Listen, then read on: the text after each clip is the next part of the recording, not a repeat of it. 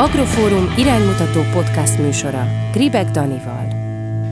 Sziasztok! Egy kis nyári szünet után, de újra itt a Hektár, az Agrofórum iránymutató podcast műsora. Én Gribek Dani vagyok, és Ugyan a beígért témánk az a légi növényvédelem, a drónos permetezés lenne, az elmúlt hónapok időjárása viszont ezt igencsak felülírta és hát ezért mi mással foglalkozhatnánk itt a, az őszi idénynek az első adásában, ha nem az asszájjal, illetve ebből kiindulva az öntözéssel, illetve egy kicsit komplexebben vizsgálva ugye a, a, a vízgazdálkodással. Milyen lehetőségeket nyújt az öntözés hazánkban? Lesz-e elég öntözhető víz, vagy arra is készülhetünk, hogy ez jelentős korlátozás alá fog esni? Mi az a precíziós öntözés is, hogyan segíti az a gazdálkodókat? Mik az első tapasztalatok az öntözési közösségekben? Foggazdálkodás vagy éppen csongrádi vízlépcső? Miért kell jobban vigyáznunk az erdeinkre, és milyen szerepük van a fás területeknek mezőgazdasági szempontból. Ezekről mind beszélgetni fogunk a mai adásban. Szó lesz természetesen az öntözés nehézségeiről, de foglalkozunk majd a víz szempontjából a talajjal is, mert hogy enélkül szerintem nincsen hosszú távú megoldás, és úgy hiszem, hogy ezt a mai stúdió vendégeim is így gondolják majd, itt bőszen bólogatnak. Ebben az adásban köszöntöm először is, aki mellettem ül, mert hogy itt van velünk tényleg a stúdióban, Olá Zoltánt, akivel hát nagy örömömre egy PR PR tartalmú riport elkészítésekor ismerkedhettem meg néhány hónapja. Te Tiszacsegén gazdálkodsz, testvéreddel, családoddal nagyjából egy ilyen 350 hektáron. Majd van miről mesélned az Igen. asszály és az öntözés nehézségei kapcsán is, de mielőtt ebbe belekezdenénk, üdvözöllek a Hektár Podcastban. Köszönöm a meghívást. A mai beszélgetés során pedig van még egy vendégem, aki viszont rendhagyó módon nem a stúdióban ül velünk, hanem nagyon érdekes módon Japánból jelentkezik be. Következő egy-két órában távkapcsolatban leszünk. Cifka Gábor, építőmérnök és építész, senior projektmenedzser a Plantor Kft-től. Mint az öntöző rendszerek tervezője, megosztod majd velünk nagyon-nagyon sokrétű tapasztalataidat. Szinte minden nagy öntöző rendszerekkel foglalkozó vállalkozással dolgoztál már, és rengeteg gazdálkodónak segítetted már az elindulását ezen a rögös, vagy hát ugye, ugye öntözésről beszélünk, akkor talán Saras úton. Köszöntelek téged is a Hektár Podcastban. Szervusztok, szia Dani, üdvözlök mindenkit!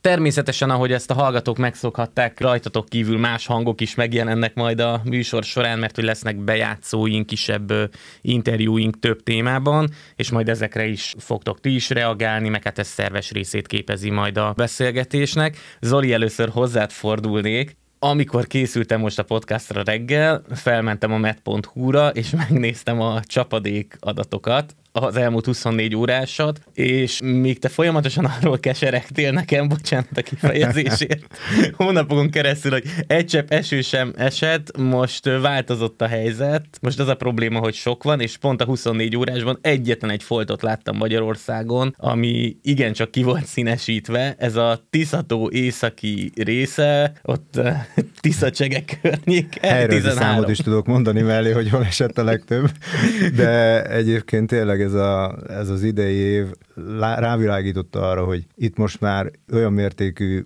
szélsőségekre kell készülni, amire nem biztos, hogy van mindenkinek technológiai fegyver a kezébe, hogy ezt orvosolja. Tehát itt a sivatagi körülmények, azok gyakorlatilag egy hét alatt ilyen vadvízországgá változtatták ott a Tiszató régióját úgyhogy nem lesz egyszerű az őszi munkáknak az elvégzése. Van olyan területrész, ahol ahol egy ilyen 100 mm-t meghaladó eső esett, viszont van olyan is, ahol 200 mm-t már meghaladta a leesett csapadék mennyisége, tehát olyan hirtelen gyorsasággal, tehát volt olyan, ami 50 mm leesett 2 óra hossza alatt, tehát nincs az a talajművelési technológia, amit, ami ezt tudja orvosolni. Egyébként most, hogyha a viccet félreteszem, gyakorlatilag ameddig most így az őszi esők megérkeztek, mennyi csapadékkal tudtatok gazdálkodni, vagy tudtál gazdálkodni? 100 mm alatti csapadék volt. Soha nem látott kép volt a határban. Tőlem sokkal tapasztaltabb öreg agronómusok, öreg szakemberek is azt mondták az elején, hogy hát igen, volt már ilyen, de változik, volt már ilyen, volt. A végére az lesz, hogy hát ilyet még nem láttunk. Oly, igen. Tehát a vége az lett, az lett a csatton, hogy hát ilyen nem volt. De egyébként termés mennyiségben is, termés minőségben is ez, ez nagyon-nagyon meglátszott. Tehát töredéke volt az elvárhatónak. Gábor felvezetésnek. Igazából nagyon szívesen kezdeném azzal a kérdést, hogy mit keresel te Japánban, mit csinálsz ott, és milyenek a japán tapasztalatok, de erre még vissza fogunk térni, hogy, Jó. hogy egy kicsit így Ázsiát megnézzük, hogyan öntöznek ott, meg milyen rendszer alapján.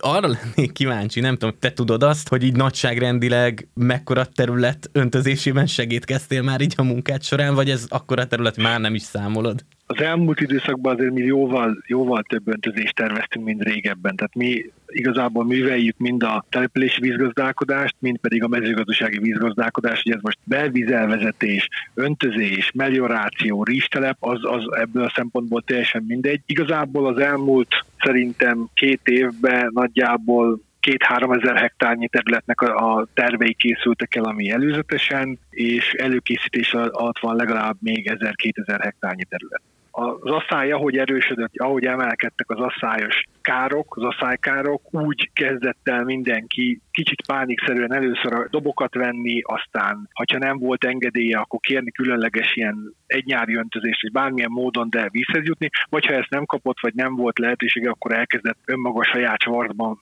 öntözni. És ennek a hozománya volt az, hogy mindenki ilyen pánikszerűen kezdett el gyorsan, akik elkezdték a, ezt az egész folyamatot már régebben, azok is gyorsítani akartak, a többiek pedig így próbáltak utána futni annak a két-három évnek, amit úgy gondolom, hogy elveszett tőlük. Az adásunkat kezdjük egy kis statisztikával, hogy most már úgy belemelegettünk, így beszélgettünk egy picit, ismerkedtünk egymással.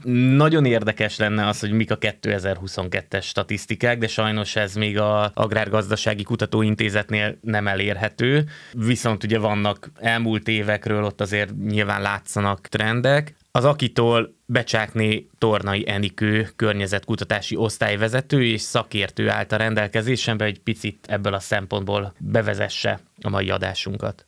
Térségünkben az elmúlt 30 év tendenciái alapján növekszik a szélsőséges időjárás jelenségek gyakorisága és hatása, amelyek közül az egyik leghangsúlyosabb az asszályos időszakok gyakoribb előfordulása, valamint a csapadék intenzitásának és időbeli oroszlásának a legtöbb termesztett növény számára kedvezőtlen módosulása, változása.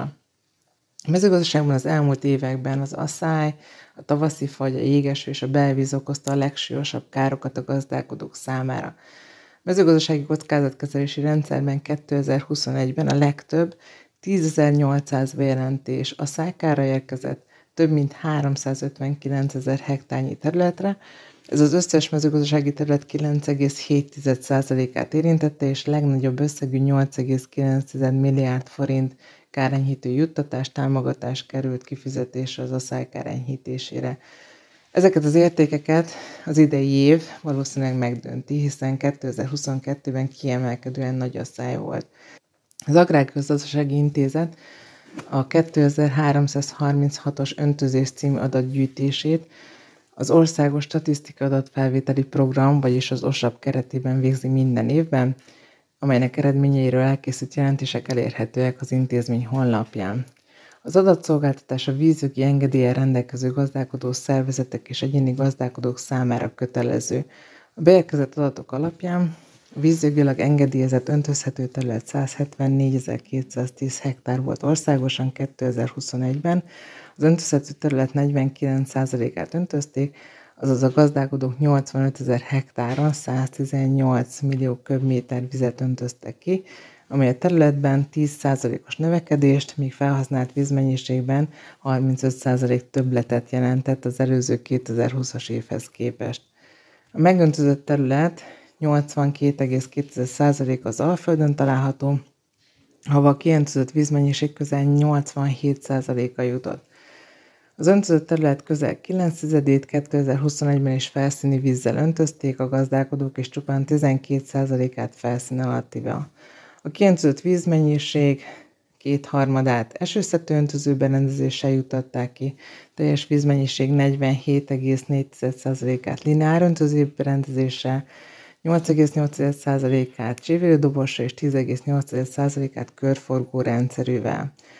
A kiöntözött víz mennyisége természetesen attól függ, hogy a termőföldek milyen természetföldrajzatottságokkal bírnak, mennyire vízigényes a termesztett növénykultúra, megfelelők voltak-e a korábban elvégzett talajművelési munkálatok, és természetesen az időjárás is nagymértékben befolyásolja az öntözés alakulását. Sok éves átlagot figyelembe véve Magyarországon az öntözése berendezett összes terület 200 ezer hektár körüli, amelyből a ténylegesen megöntözött terület aránya az éves csapadék mennyiségtől is függően 30-55 százalék között alakul, ami a mezőgazdasági területünk 1-2 százalékát fedi le. Ez az érték az uniós átlag csupán ötöde. Az öntözött területek nagysága 1990 óta viszonylag állandó, holott Magyarország a természeti adottságai alapján jelentős öntözési potenciálra rendelkezik. A legnagyobb öntözött terület nagyságát az ország a 70-es években közel 308 ezer hektárral érte el.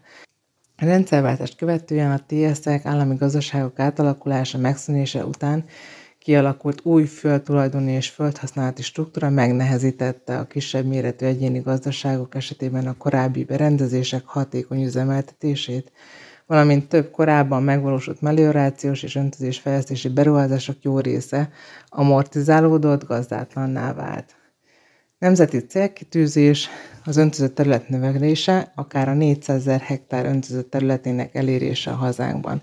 Amit ugye látunk, és erről beszéltél is Zoli, hogy az Alföldön gyakorlatilag katasztrofális helyzet alakult ki, tényleg Igen. ilyen, ahol mondjuk a kalászos gabonákat be tudták takarítani, tényleg egy-két tonnás termés átlagokról hallottam, de te tudsz öntözni, ezt a tudszot lehet, hogy egy picit uh, idézőjelbe teszem, és majd erről beszélgetünk, hogy miért, de mekkora területed van, amin elvileg öntözhetsz? Gyakorlatilag a gazdaságunknak szerintem 5%-a se. És ugye ez az 5% sem egyszerű, erre tényleg igen, vissza fogunk, igen, igen, igen, igen, vissza igen. fogunk térni. És azért a Tisza mellett vagyunk gyakorlatilag két-három kilométerre. És, és mégsem annyira egyszerű, pedig józan parasztésszel azt gondolnád, ott a Tisza puf, öntözön kész. De és nem. ugye a katasztrofális helyzethez hozzátartozik az is, hogy ez itt takarmányt is kellett termelni az Alföldön. Ó, igen. Te állat tart is vagy, bár ugye idézek tőled, jó? Okay. A riportból, amit emlegettem. Az állattartáshoz kapcsolódó kínokról hosszan beszélgethetnénk, mert annak a megírásához egy biblia vastagságú könyv sem lenne elég.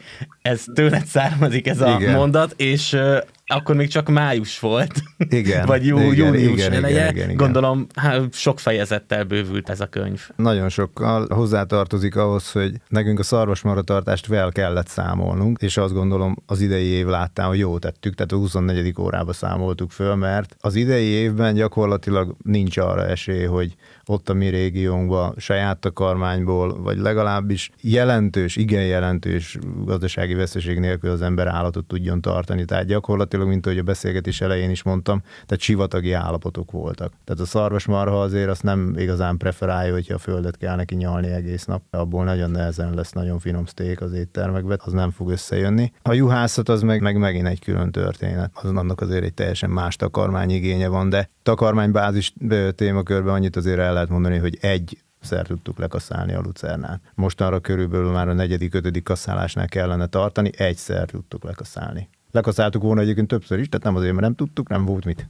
Az asszály is egyébként az öntözés téma fontosságát bizonyítja azt, hogy néhány napja voltam Nádudvaron, a Kitez ZRT-nek volt ott egy öntözési szakmai napja, és egészen meglepő tömeg gyűlt össze, nagyon sokan voltak ezen a rendezvényen, és ugyancsak a téma fontosságát bizonyítja az, hogy erre a rendezvényre eljött Nagy István agrárminiszter, ennek azt gondolom, hogy azért jelzés értéke van, tartott egy előadást, ebből majd többször fogok idézni a mostani adásban, rögtön még itt az adás elején szeretném felvetni néhány gondolatát. Beszélt arról is, hogy eddig mit tettek, Nézzük akkor a jövőbeli terveket, mert okay. hogy ez is elhangzott Nagy István agrárminisztertől. Őt hozom ide.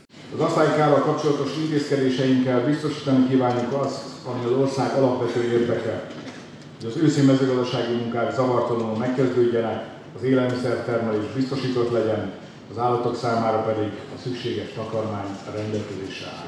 Az elmúlt években jelentős erőfeszítéseket tettünk az öntözéses gazdálkodás fejlesztése érdekében.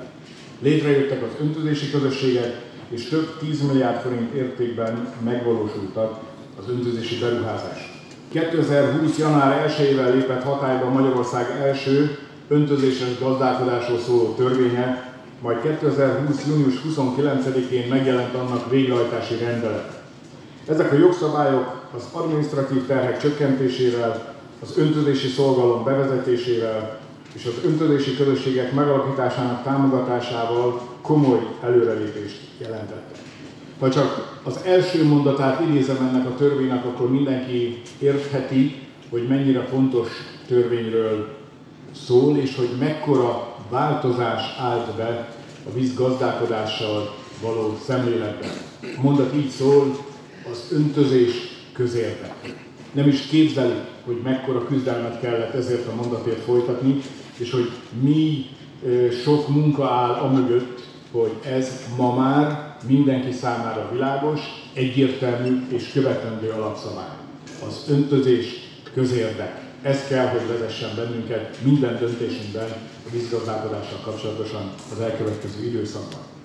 Az öntözés jelentőségét nem kell különösebben ecsetelnem, de engedjék meg, hogy néhány számmal érzékeltessem azt, hogy mennyire közvetlen hatása van az élelmiszerellátásunkra. Magyarország területének 60%-a művelhető föld. Ennek a felén termesztünk gabonát, alapvetően búzát, kukoricát és árpát, 20%-án pedig ipari növényeket, napraforgót és repcét. A két legfontosabb mezőgazdasági terményünk, a búza és a kukorica is a kiszolgáltatottabbak közé tartozik az éghajlatváltozás szempontjából.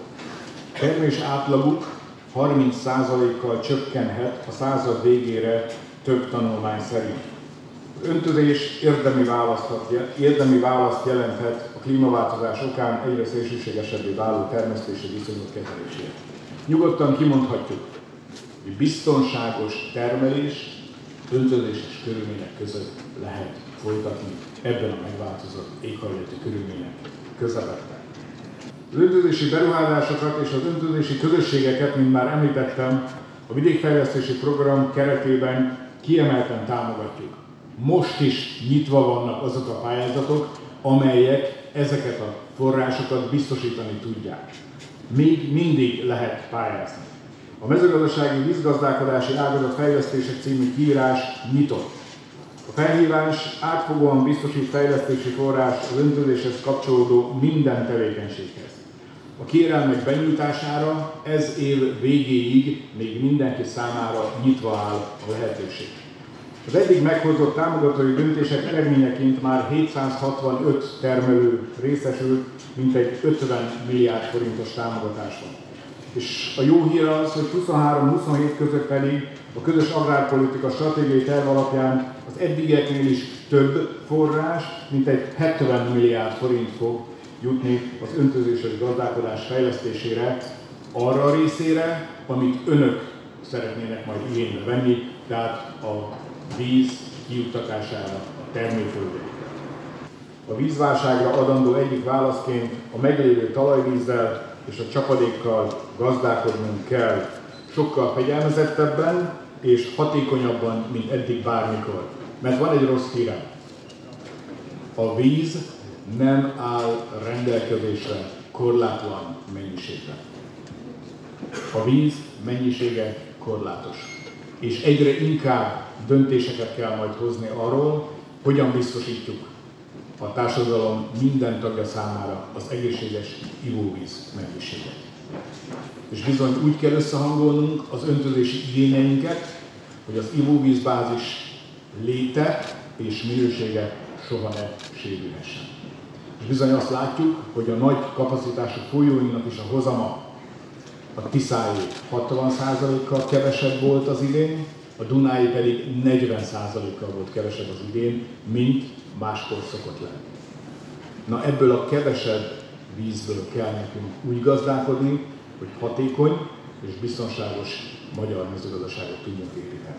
Amit talán legjobban ki lehet emelni Nagy Istvántól, az ugye az öntözés közérdek, biztonságos termelés a jövőben öntözéssel valósítható meg, és hát duplán aláhúzom a következő állítást. A víz nem áll korlátlanul rendelkezésre, a víz korlátos. Azt gondolom, hogy talán ez volt a legfontosabb üzenet ott Nádudvaron. Gábor? Azért nagyon fontos, hogy ezt valaki végre kormányzati szinten is kimondta, hogy mindenki értse meg, nem lesz elegendő víz mindenkinek Ez azért fontos, mert ez szerintem két dolgot indít el az összes gazdában, meg mindenki, aki a vízzel foglalkozik. Egy, van egy presszió arra, hogy ha öntözni akarok, vagy öntözési területet akarok csinálni, akkor azt kezdjem el. Kettő, gondolkozzak el azon, hogy mit fogok csinálni, ha én nem fogok tudni öntözni. Itt azt gondolom, hogy ez egy nagyon fontos dolog, hogy mivel nem mindenki fog tudni öntözni, ezért valamilyen formában, vagy a kormányzatnak, vagy a, a gazdaszervezeteknek valamilyen rendszert ki kell alakítani, valamilyen olyan rezsimet, amiben meghatározzák azt, hogy ki, hogyan, mivel, meddig, mikor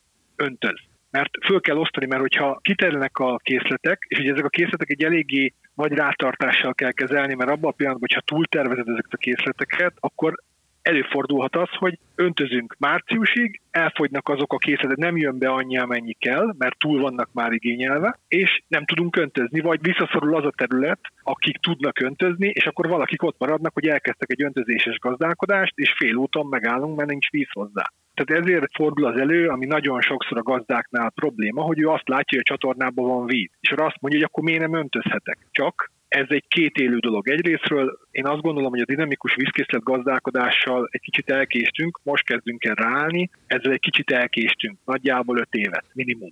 Ha ez beindul, akkor azok a vízkészletek felszabadíthatóak, amik most le vannak kötve vízjogi engedélybe, de senki nem használja őket.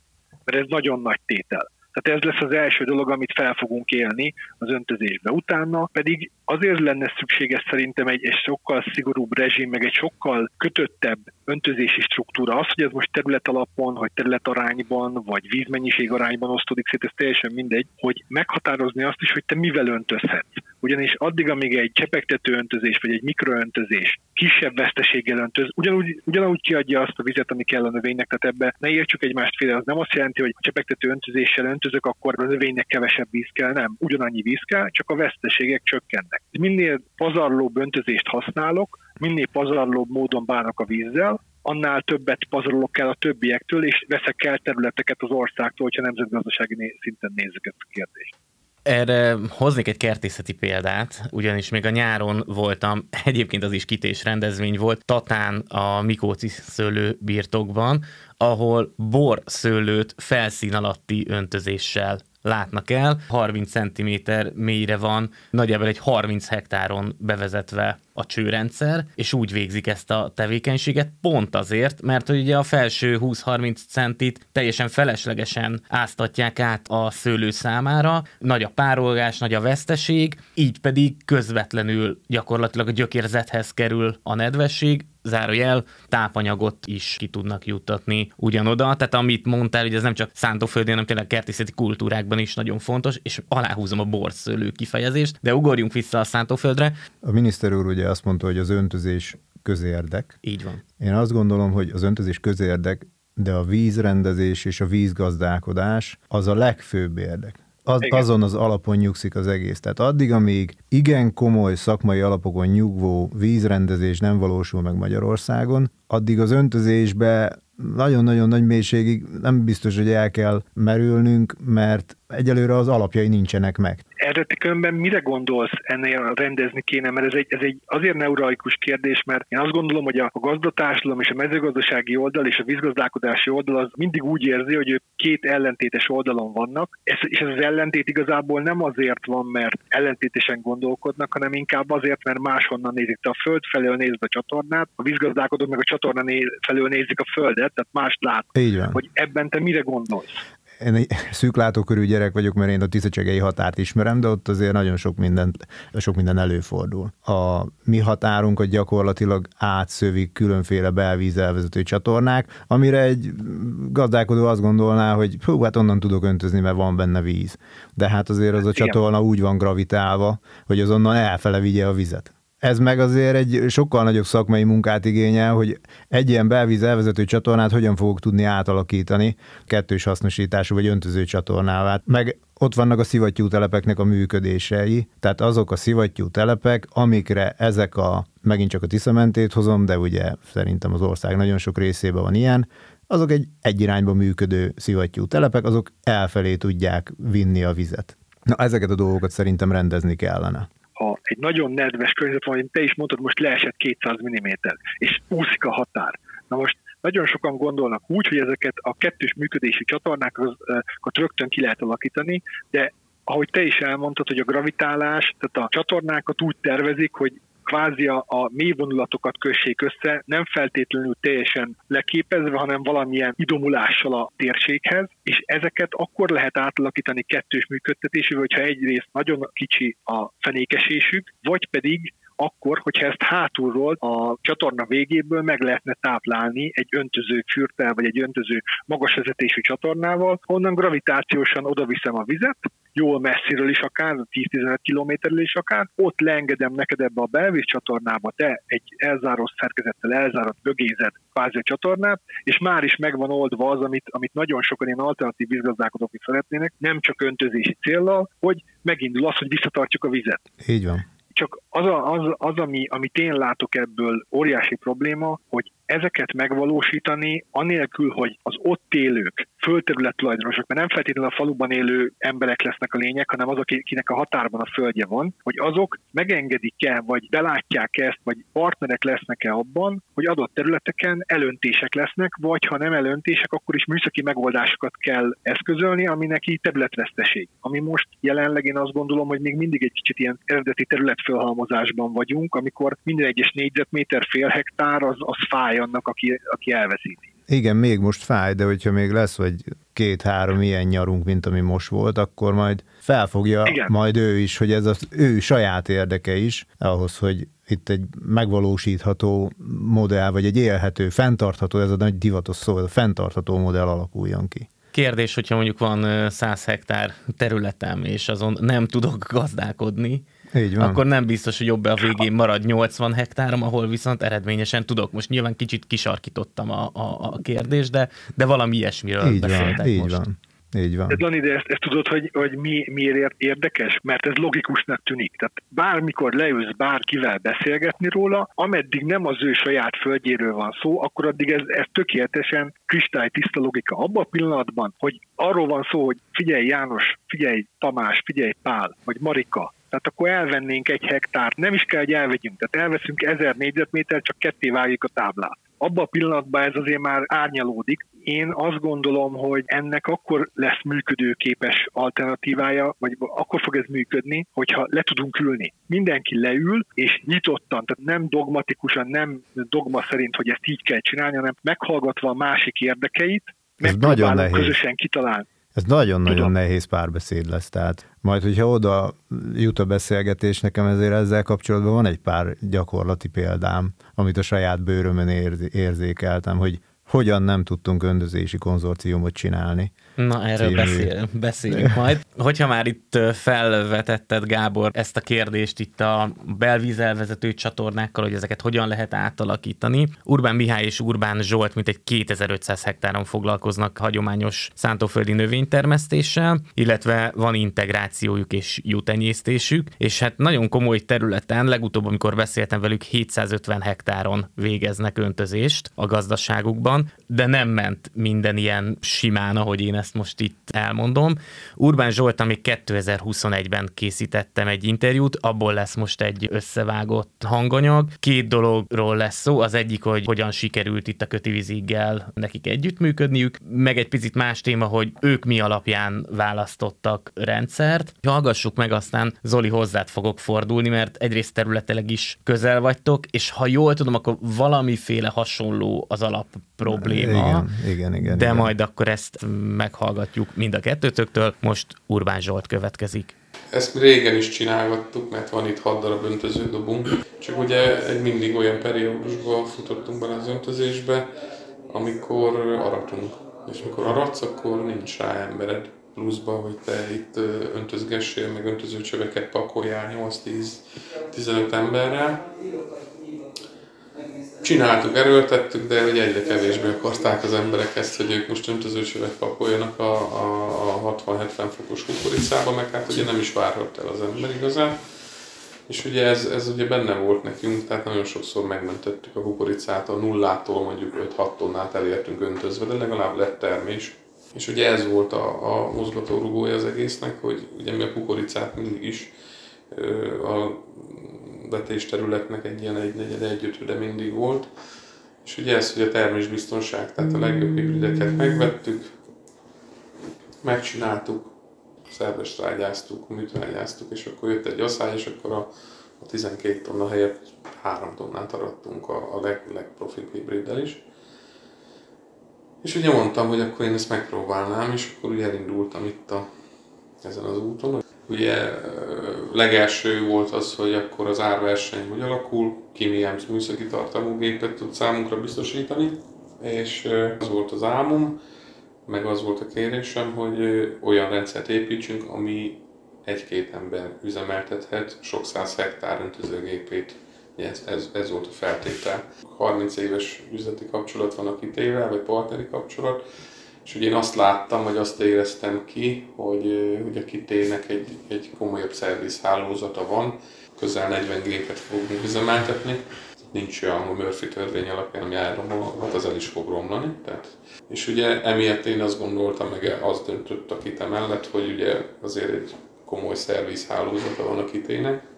Ugye a kitének van ez a base station vezérlő állomás, ugye az milyen rádiófrekvencia, internet, és akkor mobiltelefonról bárhonnan, bármikor megállítom a gépet, átállítom vízmennyiséget, megkerestem a tervezőt, és akkor induljunk el, és akkor ugye elindultunk a kötővízi irányába, ami az már az volt a nehezebbik oldal.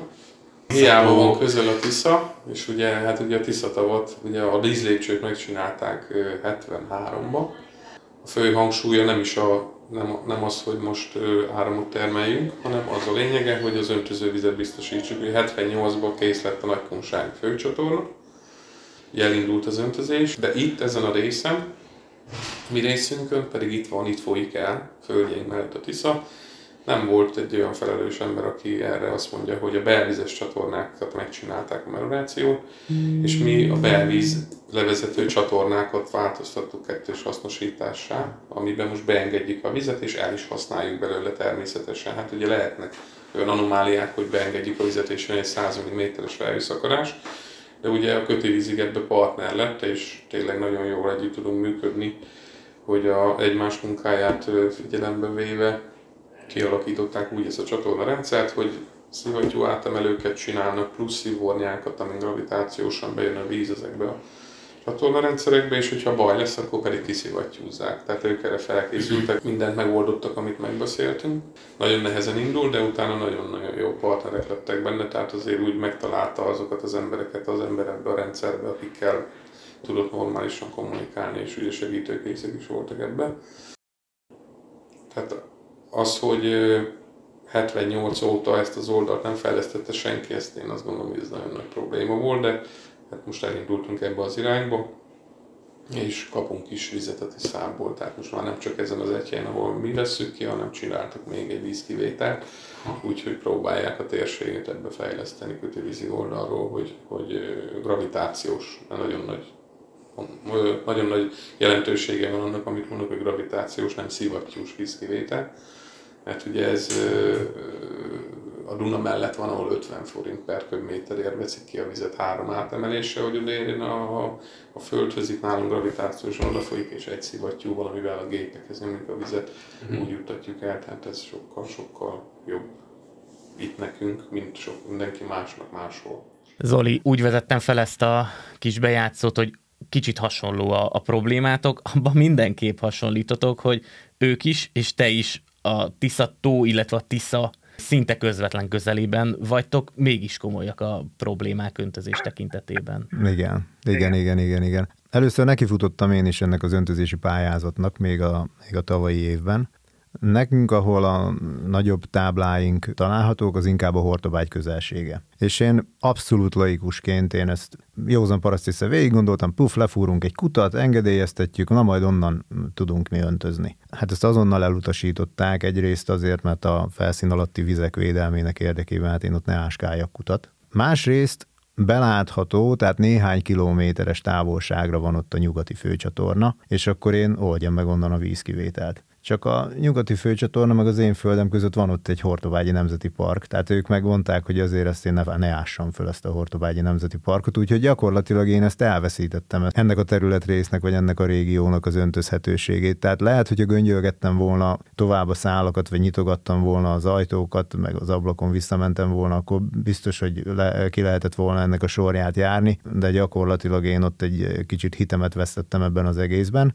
De elindultunk a másik terület irányba, ami már meg a Tisza közelsége, tehát nem a Hortobágy célra, hanem a Tisza közelségében.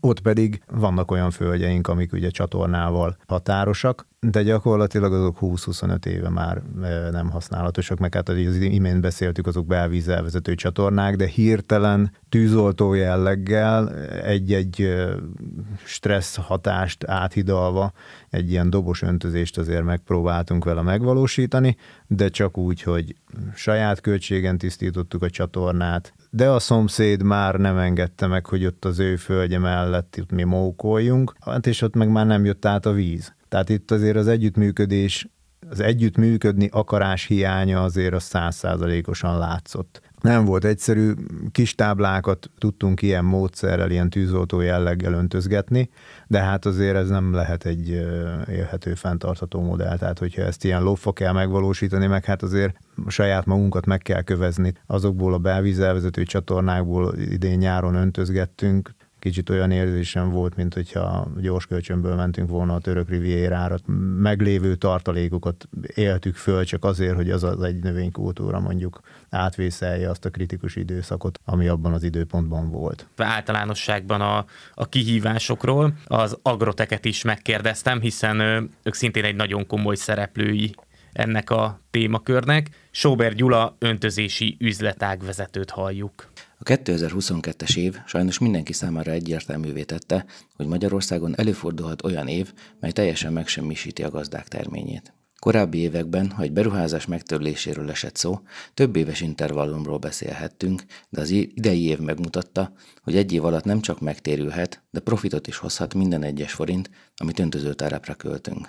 Ennek köszönhetően már nem az a kérdés, hogy öntözzük-e, hanem az, hogy mivel. Sajnos a természetes vízfolyásaink legnagyobb rész Natura 2000-es partszakasszal rendelkeznek, mely ellehetetleníti a fixen kiépített vízkivételt, ezáltal nehézségeket okozva az automatizálás területén, mely elengedhetetlen részét képezi a beruházásoknak.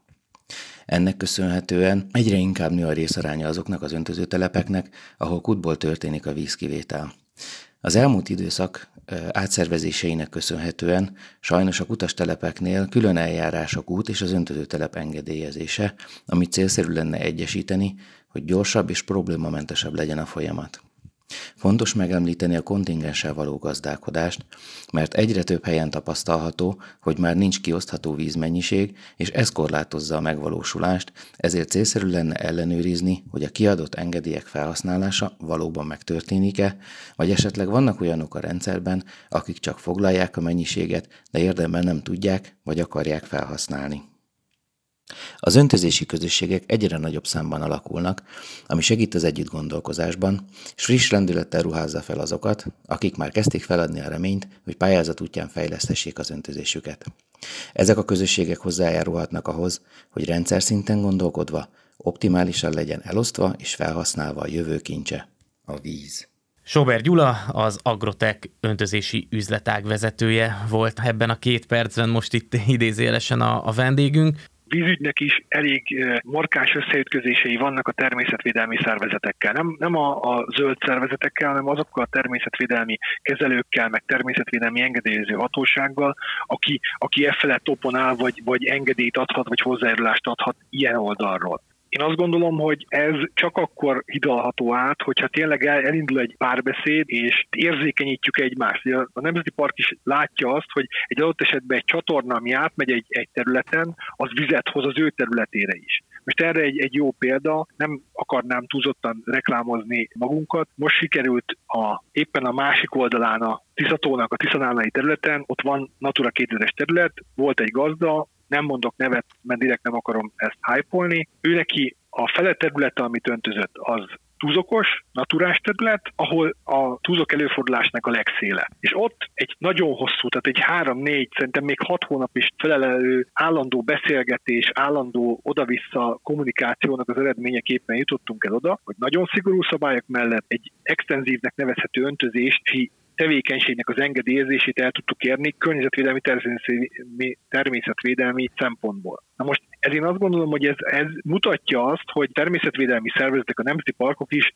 valamilyen formában azért nyitottak. Ez nem azt jelenti, hogy mostantól akkor Natura 2000 területen lehetne öntözni, hanem azt, hogy van rá adott helyen, adott időpontban, adott feltételek mellett, nagyon szigorú kötelmek mellett van rá lehetőség, hogy öntözés legyen. De senki ne arra gondolja, hogy ez ilyen nagy táblás kukorica-kukorica hátán öntözés, hanem ez ilyen mozaikos, tényleg a természeti jelleget kell mozaikosan kapcsolódó öntözési tevékenység, ami igazából nem feltétlenül arra irányul, hogy a mezőgazdasági terményeket öntözzük, hanem részben az arra is, hogy a, a gyepgazdálkodásnak besegítsünk, amikor már olyan szárazság van, hogy az a természetvédelmi gyepgazdálkodást is gyengíti ezt meg a gazdáknak kéne elérnie, hogy az AM próbáljon egyfajta ilyen mentori szerepet, nem erőszakot, hanem mentori szerepet fölvállalni, ahol próbálja a természetvédelmet és a mezőgazdasági igényeket összehangolni, ott, ahol ezt lehet.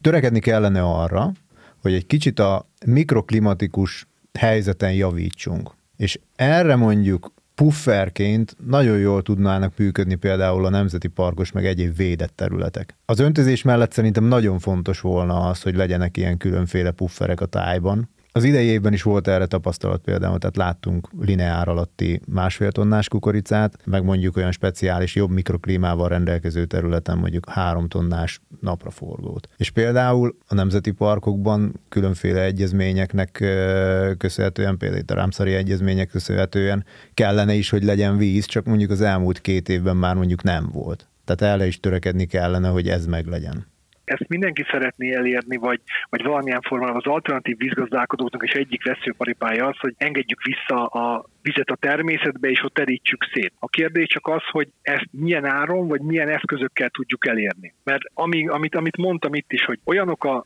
adottságok, hogy nem tudod a csatornán visszafelé vezetni a vizet, tehát nem tudod addig duzzasztani a befogadóját a belvíz csatornának, hogy utána ott is megjelenik, és így viszel vizet, akkor két dolog lehet. Vagy mélyíted a csatornát, ez sokaknak nem tetszik, mert azt mondják, hogy akkor még jobban megszívja a teret, és még több vizet szed össze. Ugye nem hiába volt az, hogy a, azt hiszem a Hortományi Nemzeti Parkon és más nemzeti parkoknál is voltak ilyen programok, amikor csatornák töltöttek így van, le. Így van, hát, így van, mert ami, ami nem feltétlenül, igen.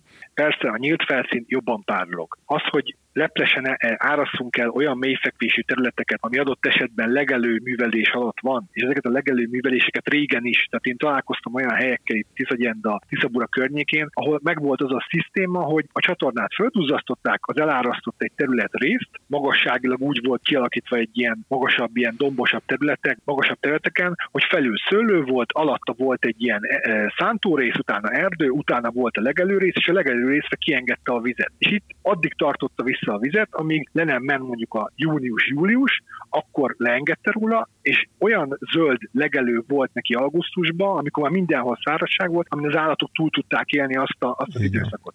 Ez egy nagyon jó metódus lenne, csak azt is látni kell, hogy ez ugye ez a vízvisszatartás, meg tájgazdálkodás, meg foggazdálkodás témaköre, ez ma már nagyon sok esetben csak plusz beavatkozásokkal, magas vezetési öntözőcsatornákkal lehetséges elérni azt, azt a fajta vízgazdálkodási helyzetet, ami régen a Tisza árterületekre való kinyomulása, aztán visszahúzódása okozott. Látni kell azt, hogy nem forgathatjuk vissza az időkerekét 100-200 évvel. Erről fogunk még beszélni.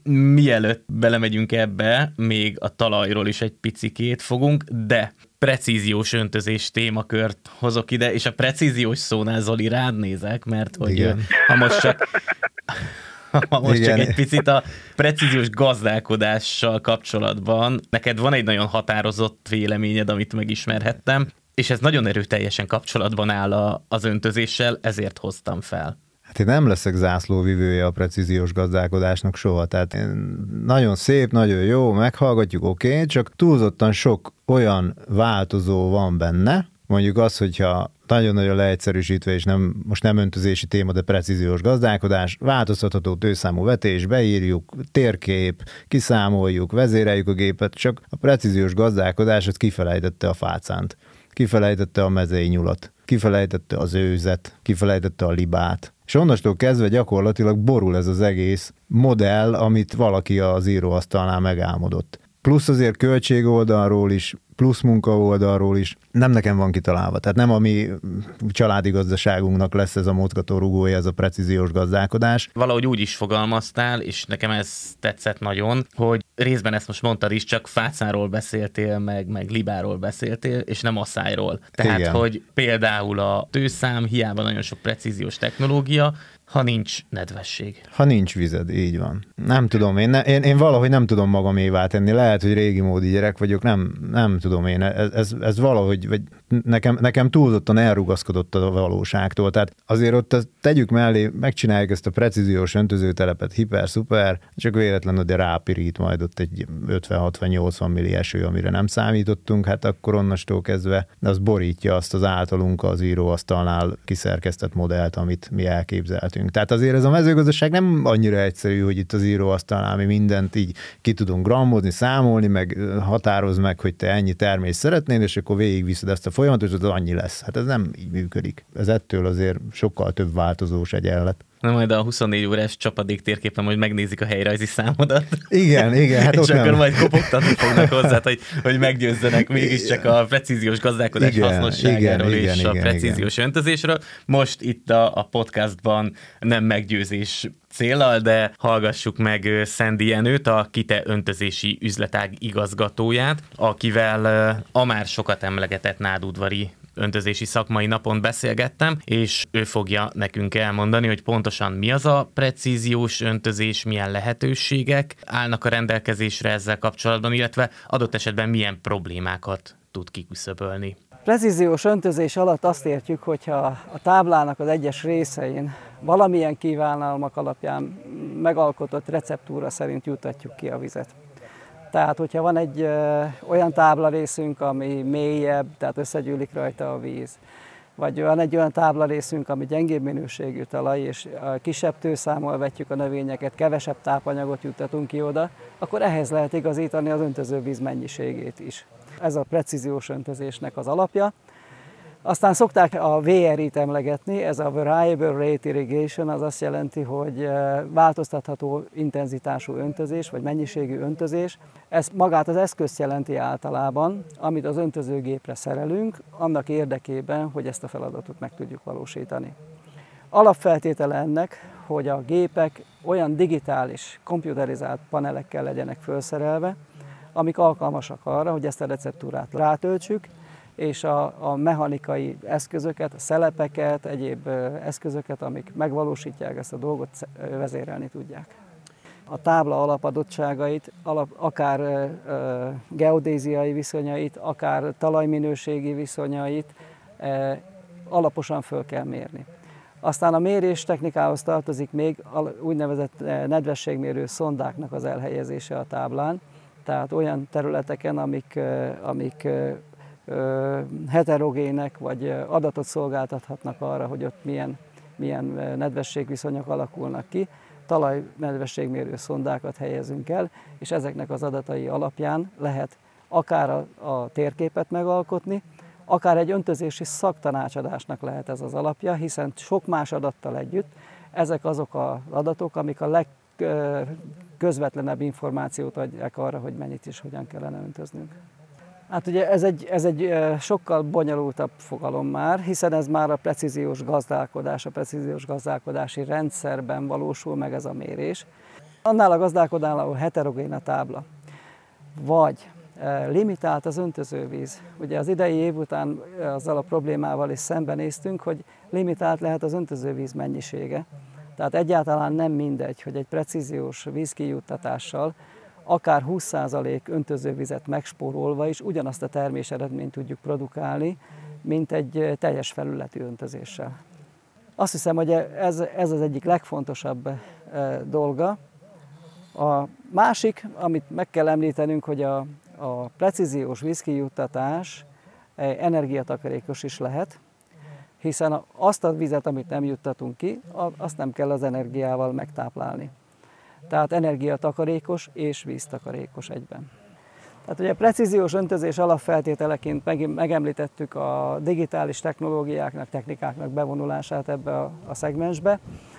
Nagyon fontos ö, ö, hatása van a munkaerő szükségletre is, hiszen ezekkel a digitális technológiákkal egészen nagy tábláknak is a, a vezérlését, irányítását el tudja látni egy ember azokon a, az internetes vagy rádiós kapcsolatokon keresztül, amikkel ezek a, a digitális vezérlőpanelek hálózatba kapcsolhatók, és egy szerveren keresztül akár adatgyűjtésre, akár távirányításra, akár távellenőrzésre is alkalmasak. A digitális technológiák előnyeinél megemlíthetjük még a tápanyag kijuttatásnak a, a dolgát is, hiszen a, a precíziós gazdálkodásba a precíziós tápanyag kijuttatás is egy fontos szempont. Azt, hogy a, a kijuttatási térképeknek megfelelően jutassuk ki a tápanyagot a területre. Hogyha az öntözővizet precíziósan juttatjuk ki az adott tábla térképek szerint, akkor ennek megfelelően tudjuk szabályozni a kijuttatott, az öntözővízzel kijuttatott eh, tápanyag mennyiséget is. Ez egy nagyon fontos szempont lehet. Mondhatok majd még egy dolgot ehhez kapcsolatban, miért beledobáltam itt a kést a precíziós gazdaság, vagy gazdálkodásba, de, de, de, de egy dolog nagyon fontos ezzel kapcsolatban. Tehát tök jó. Nagyon jó ez a precíziós Csak előtte van még legalább tíz attól sokkal fontosabb dolog, ami nincsen rendben legalább tíz dolgot tudok mondani, hogy egy gazdálkodás sikerességének szempontjából sokkal fontosabb, mint hogy a precíziós gazdálkodással töltsd az időt. Hol foglal ebben a tízes listában helyett az öntözés? És víz gazdálkodás, víz megtartás, inkább fogalmazunk. A, nagyon az elején a vízgazdálkodás azért sziszentem fel az öntözésre, mert hogyha mindent az öntözés szempontjából akarunk, vagy az öntözés fontosságának szempontjából akarunk, és azt emeljük ki a legjobban, akkor ott mondjuk elveszlik a talajművelés, elvész a tápanyaggazdálkodás hasonló szinten kell, hogy mozogjon az egész. Azok hasonló szinten fontosak. A legprecízebb öntöző berendezésed lehet, hogy gyakorlatilag a talajművelésed nincsen rendben. Igen. A tápanyag Igen. gazdálkodásod nincsen rendben. Na most, ha majd jön az öntözésed, majd az öntözéshez integrált tápanyag gazdálkodás kell, mert onnastól kezdve az általad megszokott uh, hagyományokon alapuló gazdálkodás onnastól kezdve változni fog. Tehát azért ezt is tudni kell egy kicsit. Újra kell fazonírozni az egész gazdálkodási modellt, ha öntözök én ezt látom a legnagyobb problémának, hogy sokan az most is pont az asszály miatt, amikor júliusban vesz dobot, eddig nem volt dobja, de most öntözni fog, őszintén július közepén vagy végén már halottnak a csók. Erre egy nagyon jó példa, megint nem mondok nevet, közelbe lévő gazdálkodóval, éppen két napja beszélgettünk, ők egy öntözési beruházás előtt vannak, és ők mondták, hogy ott, ahol öntöznek, mert van öntöző rendszerük, ott egy korai vetés, első vetésben betett kukorica, meg se termékenyült. Így van. Másodvetésben borsó után csemege kukorica, ugyanúgy öntözve, nem azt mondom, hogy problémamentesen veszteséggel, de túlélte és hozamot hozott. Most akkor kérdés az, akkor, hogyha én öntözök, akkor minden területen, mindenhol meg lehet menteni az állományt. Nem hiszem. Van az a helyzet, amikor öntözés mellett is lehetséges az, hogy nem fog termékenyülni a kukoricám, vagy nem fog termékenyülni a növényem, és innentől kezdve ez nem csak vízkérdés. Olyan hőmérsékleti, napsütésbeli, egyéb mikroklimatikus viszonyok, hogy visszatérve a mikroklimára kérdése, amit csak együttesen szabad kezelni, mert különben nem fog működni a, a képlet. Ha már Gábor ezt, meg, meg Zoli, te is ezt felvetetted, hogy itt teljes technológiát kell újra gondolni az öntözés esetében, akkor engedjétek meg, hogy Vázsonyi Lászlót is meghívjam most a műsorunkba. Vulkán Agro Kft. fejlesztő mérnökét kérdeztem arról, hogy tápanyag utánpótlási, talajjavítási oldalról ő mit gondol az öntözött területekről, és hát neki is nagyon határozott véleménye, gondolatai voltak ezzel kapcsolatban, amin most úgy érzem, hogy nagyon összecseng a ti néhány mondatotokkal. Jelen pillanatban, amit én látok a termelőinknél, a víz számukra az egy H2O. De valójában az, hogy ez a víz felszíni vagy felszíni alatti vizet használ, rettentő sok minden van benne. Amíg kevés dolog van benne, addig ásványvíz, megihatod, jó dolog. Ha sok só van benne, sok nehéz fém van benne, akkor előbb-utóbb ez felgyűjt, be, be, földgyűlemlik a talajfelszínen, vagy a, azon a területen, ahol locsolsz. Elszikesíted, letömöríted, nehéz fémekkel szennyeződik, stb. stb. Erre vannak talajjavító anyagok. A javítóanyag az nem azért javítja a talajt, mert csak a szerkezete lesz jobb, kiszorít más tápanyagokat, megállítja a talaj szikesedését, és így tovább. Szóval az intenzív öntözésnek először is azt kell megnézni, hogy a legtöbbet, amit kiviszek input anyagot, az a víz lesz. Több tonnányi vizet, vagy több ezer tonnányi vizet viszek ki hektáronként. Ezt ugyanazzal a sótípusú műtrágyákkal tovább terhelni, ezt ugyanúgy szántani vagy nem szántani, ez, ez, ez nem, így nem fog működni. Szóval, ha valaki intenzíven öntöz, annak az első dolog az, hogy a talaját intenzíven karban tartja, hogy fennmaradjon alatta a termelés. Az öntözött területet a legdrágább kicserélni. Odébb telepíteni, egy lineárt még odébb húzol, de a vizet nem tudod odébb vinni. Ha be van drénezve, akkor az a talaj, azon 30-50 évig kellene termelni. Mi lesz a szerves anyaggal, mi lesz a benne lévő sóval, a szármaradványjal, stb. Ez nem olyan egyszerű. Egy 10-20-30 vagy egy 20-30 centire bedrénezett táblán a szármaradványnak ebből a 20-30 centibe kell mindig elbomlani. Nincs mélylazítás, nincsen, mert széttéped a csöveket. Szóval azért meg kell érteni, hogy ez egy technológia, ez, ez egy szakma. Dönteni a pénzt értelmetlenül ebbe egy ilyen rendszerben, és nem adni mellé tudást, a vége az összességében, hogy bukás, bukás, bukás és bukás lesz.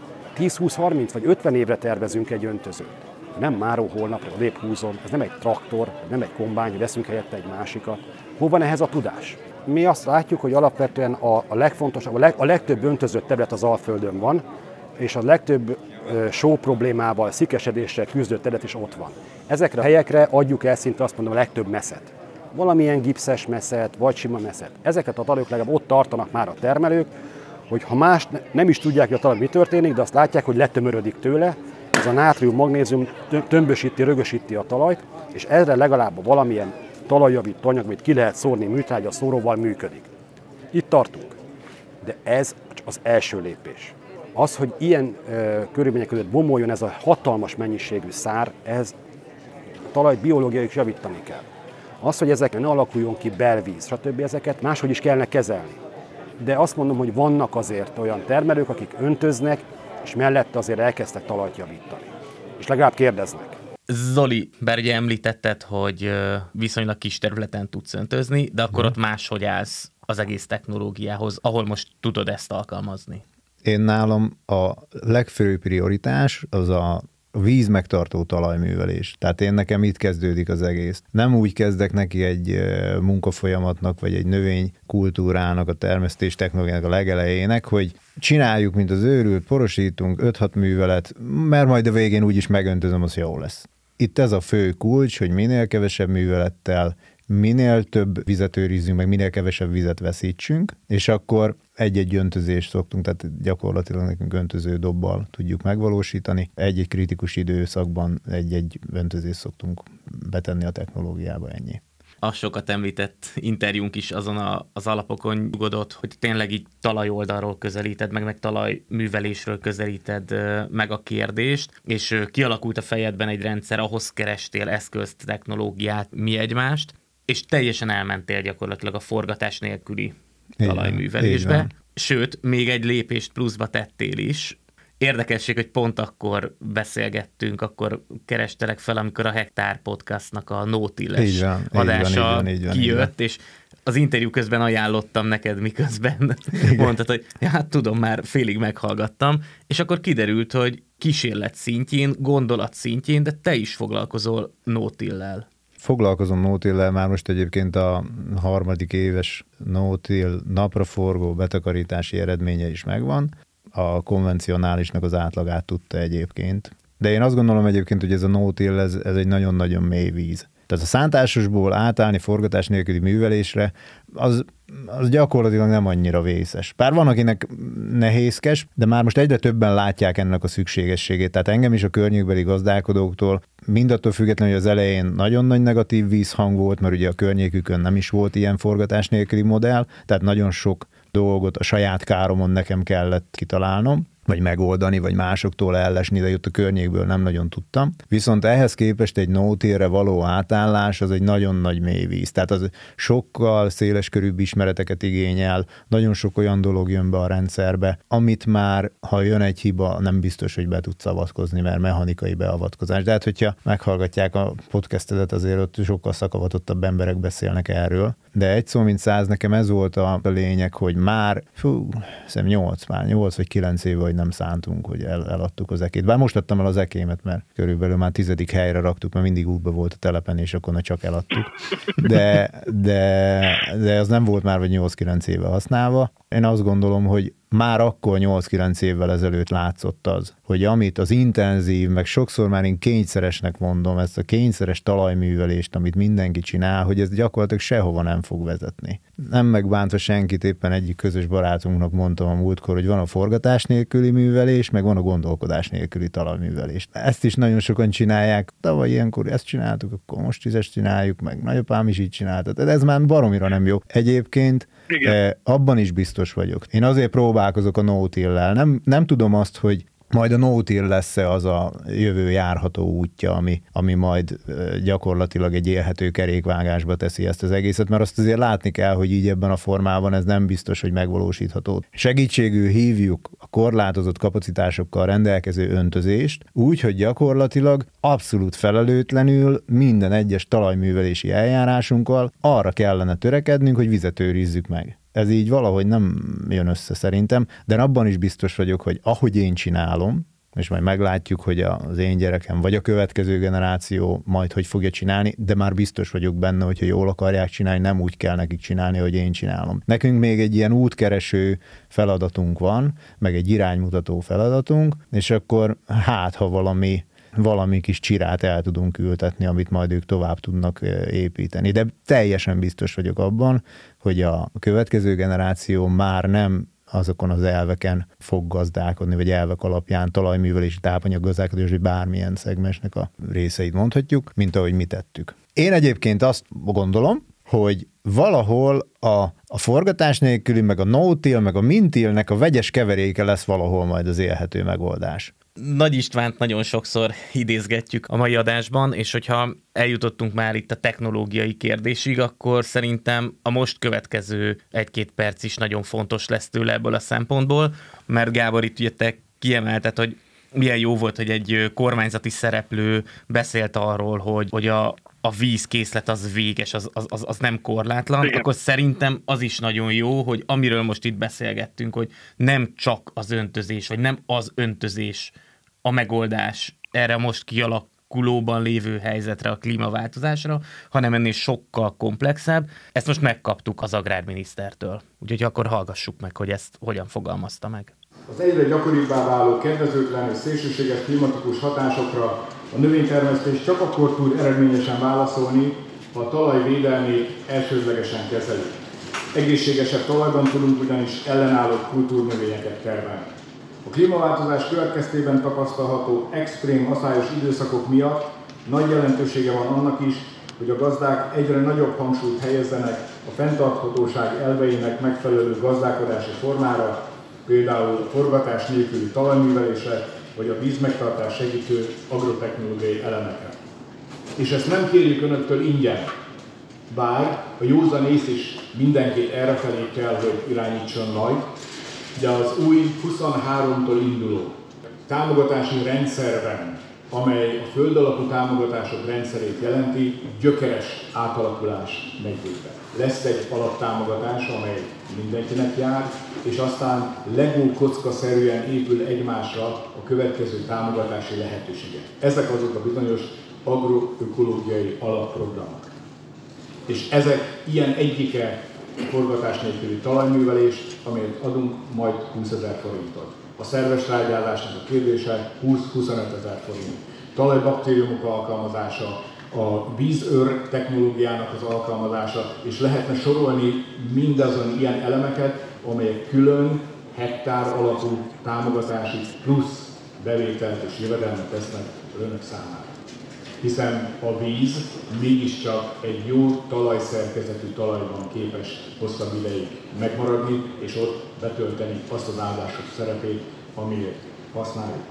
Gábor, azt azért látni kell, hogy az a fajta integrált vízgazdálkodás, amit itt a miniszter úr is felvetett, hogy akkor csapadékkal másképp gazdálkodjunk, másképp gazdálkodjunk, adott esetben ezt ő nem mondta, de mondjuk az ipari vízzel, a szennyvizekkel másképp gazdálkodjunk, tartsuk vissza a vizet, ez azért jóval messzebbre mutató, mint a mostani asszály kérdése. Tehát ez egy olyan kérdéseket feszeget, vagy olyan problémákat feszeget, ami önmagában egy sokkal integráltabb gondolkodást igényelne. Kérdés, hogy ez megvalósítható-e?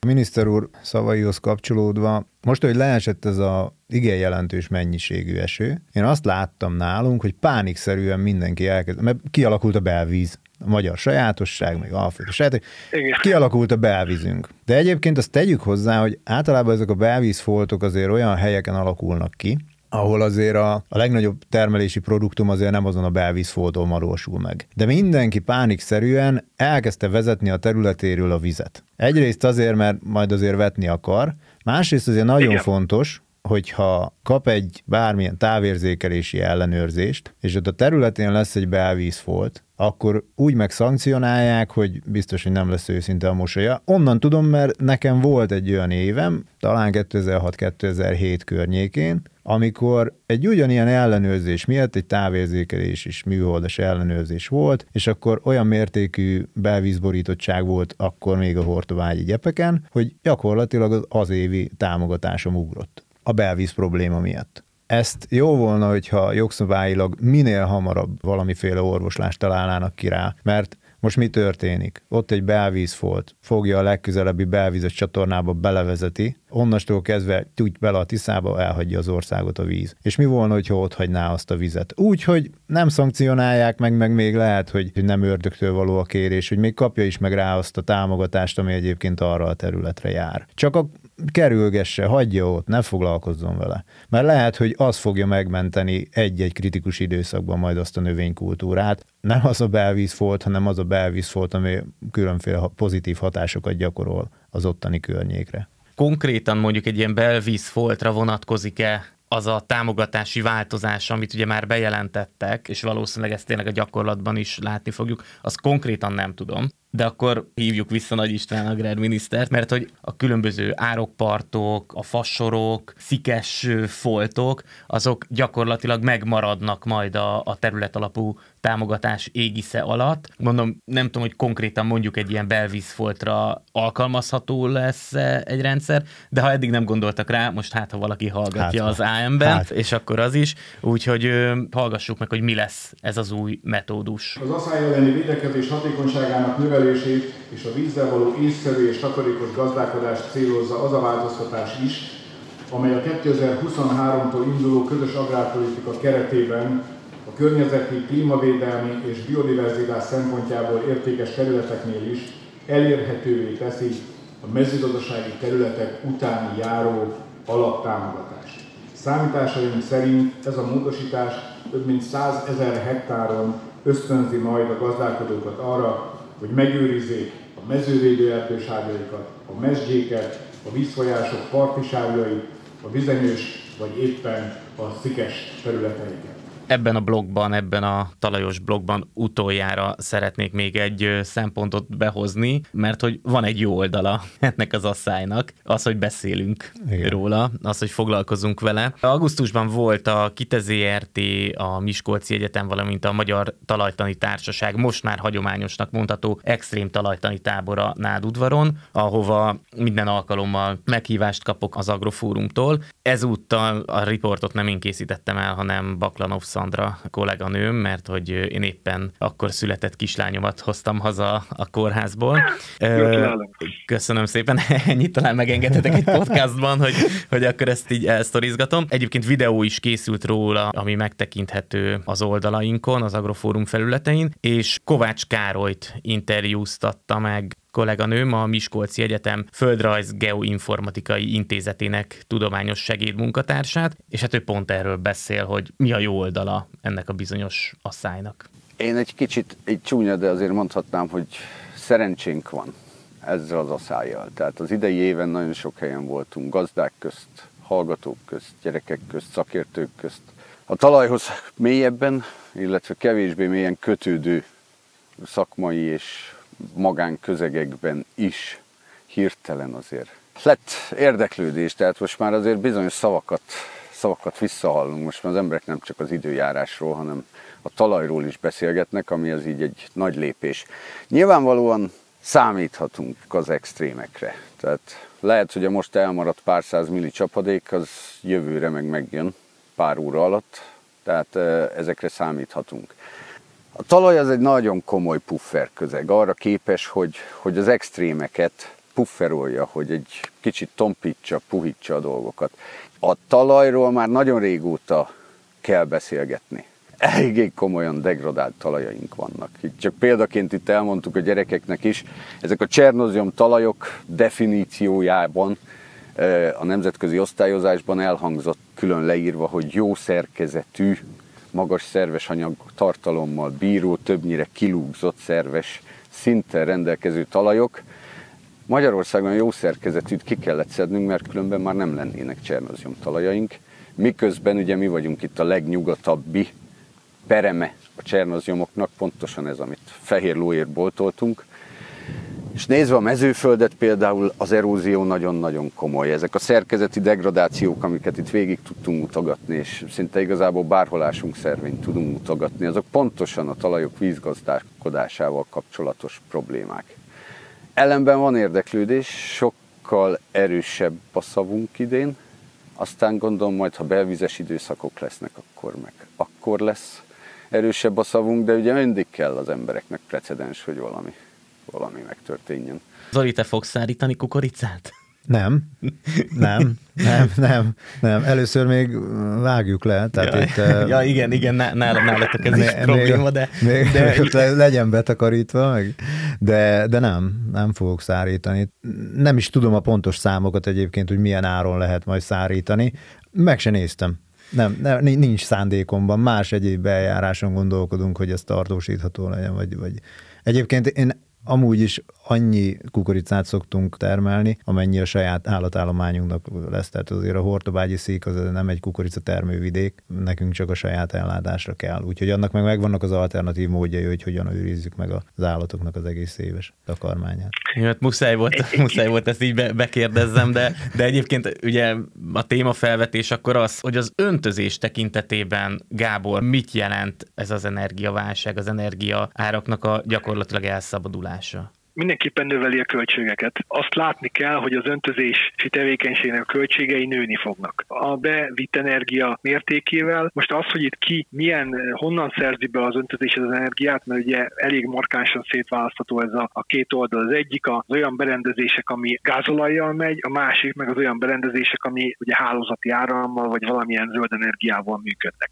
egyrésztről ezt fogja megválasztani, hogy kinek mennyivel emelkednek a költségei, másrészt pedig az, hogy ami egy nagy szívfájdalmam, legalábbis így visszatekintve még nagyobb, hogy az öntözéses pályázatok nagy részénél az egy négyzetméternyi napelemen kívül nem nagyon volt zöld energiás beruházás. Nem úgy épültek mondjuk egy 8-10-15 körforgós rendszer, vagy akár három körforgós rendszer, hogy mondjuk mellé rakjanak egy 1000-2000 négyzetméternyi napelemet, ami megtermeli legalább azt az energiát, ami oda kell. Mert 5 pontot megkapsz az egy négyzetméternyi napelemedre a pályázati rendszer szerint azok, akik már a beruházáson túl vannak, azoknak újabb lehetőség lett volna, hogyha akkor beruháznak, mert ugyanúgy megkapták volna rá az öntözési közösségbe a 50-70 százalékos támogatást, és akkor lett volna egy saját napelempark. Az, hogy ez a napelempark adott esetben szigetüzemű, ezt már inkább energetikai szakemberek kérdése, hogy, hogy ők erről mit gondolnak, vagy hogy lehetne kvázi elégetni, amikor termel, de én nem használom fel. Ugye ez, ez egy nagyon nagy probléma, hogy a öntözési tevékenység az viszonylag 20-30 napnál többre nem korlátozó folytatódik a, mezőgazdasági tevékenység során. Tehát 20-30 napig megy az öntöző berendezés, az összes többit meg az évben kvázi eltöltés néz ki a fejéből. Ezért az energetikai, energetikai fejlesztés is csak akkor lehet működőképes, hogyha kvázi több mindennel megosztom ezt. Csak utána akkor jönnek azok a kérdések pályázati szempontból, hogy ugye termelőberuházás, hogy mire használhatom még ezt az energiát, használhatom-e az öntözésen kívül, ha már öntözésbe vittem be. Tehát ezek, ezek olyan kérdések, ami tovább kéne pörgetni. Ez egy jó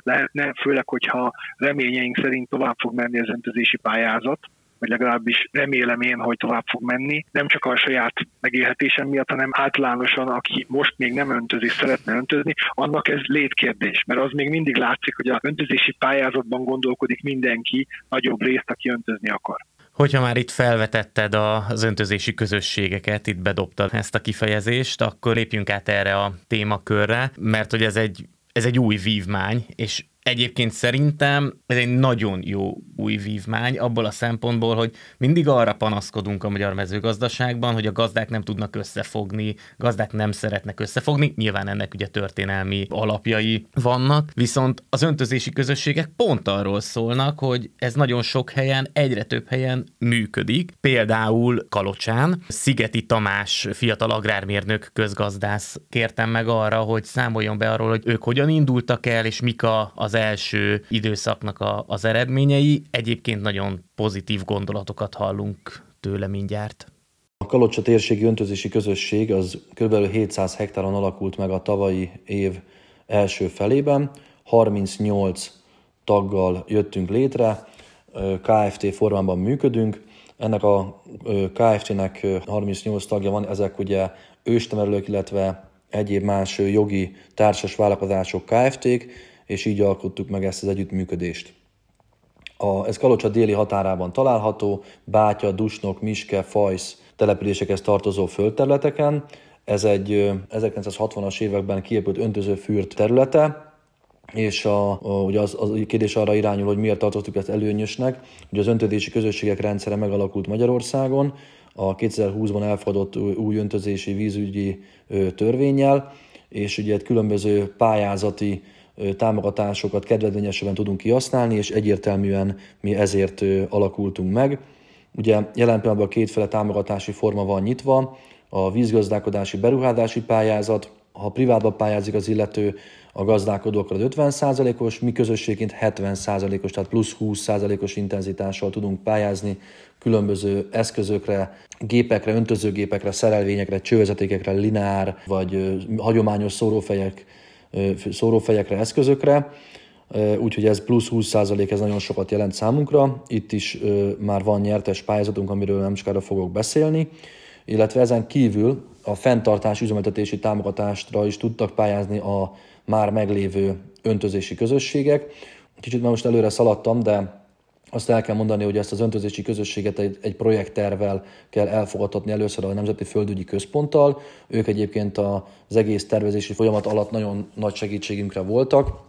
Borsfai Attila vezette főosztály, és ez, ezt, hogyha ők jóvá hagyják, ezt a projekteret, akkor fölterjesztik a minisztériumnak, az agrárminiszternek, aki ezt elfogadja, és így hivatalosan is meg tud alakulni, elfogadják ezt az öntözési közösség megalakulását, és ezek után tudunk pályázni már erre a két vízgazdálkodással kapcsolatos jogcímre. Ami nagyon fontos volt, hogy ez így elmondva nagyon egyszerűnek hangzik, de nagyon nehéz volt ez az összefogás, nyilván ezt a Covid időszaka sem segítette. Ugye a magyar embereknél a régi kor hagyatékából adódóan elég nagyfokú a bizonytalanság, a bizalmatlanság, az összefogásnak a hiánya, és ennek mindezek ellenére, a nehézségek ellenére azt gondolom, hogy itt ez egy példaértékű dolog volt, hogy ezt mint egy 38 gazdálkodót összebírtunk fogni, és megalakult ez az együttműködés, ami az egyik legnagyobb Magyarországon. Nagyon fontosnak tartom kiemelni azt, hogy, hogy itt ezek a gazdálkodók nincsenek rokoni kapcsolatban egymással, és egymás közvetlen szomszédságában termelnek, sok esetben hasonló zöldségkultúrát. Ugye itt kiemelten beszélünk a kalocsai fűszapaprikáról, csemegőkukoricáról, káposztafélékről, fokhagymáról. Ezek a gazdálkodók egymásnak a versenytársai, és mégis egy közös cél érdekében össze akartak, össze is tudtak fogni. Mi pedig egy központi irodából koordináljuk az adminisztrációt, illetve a, a különböző pályázati adminisztrációs feladatokat, úgyhogy ez egy jó, jó gyakorlat lett. Ha már a fenntartási pályázatot említettem, ott mintegy 180 millió forintos támogatást nyertünk el a következő három évre.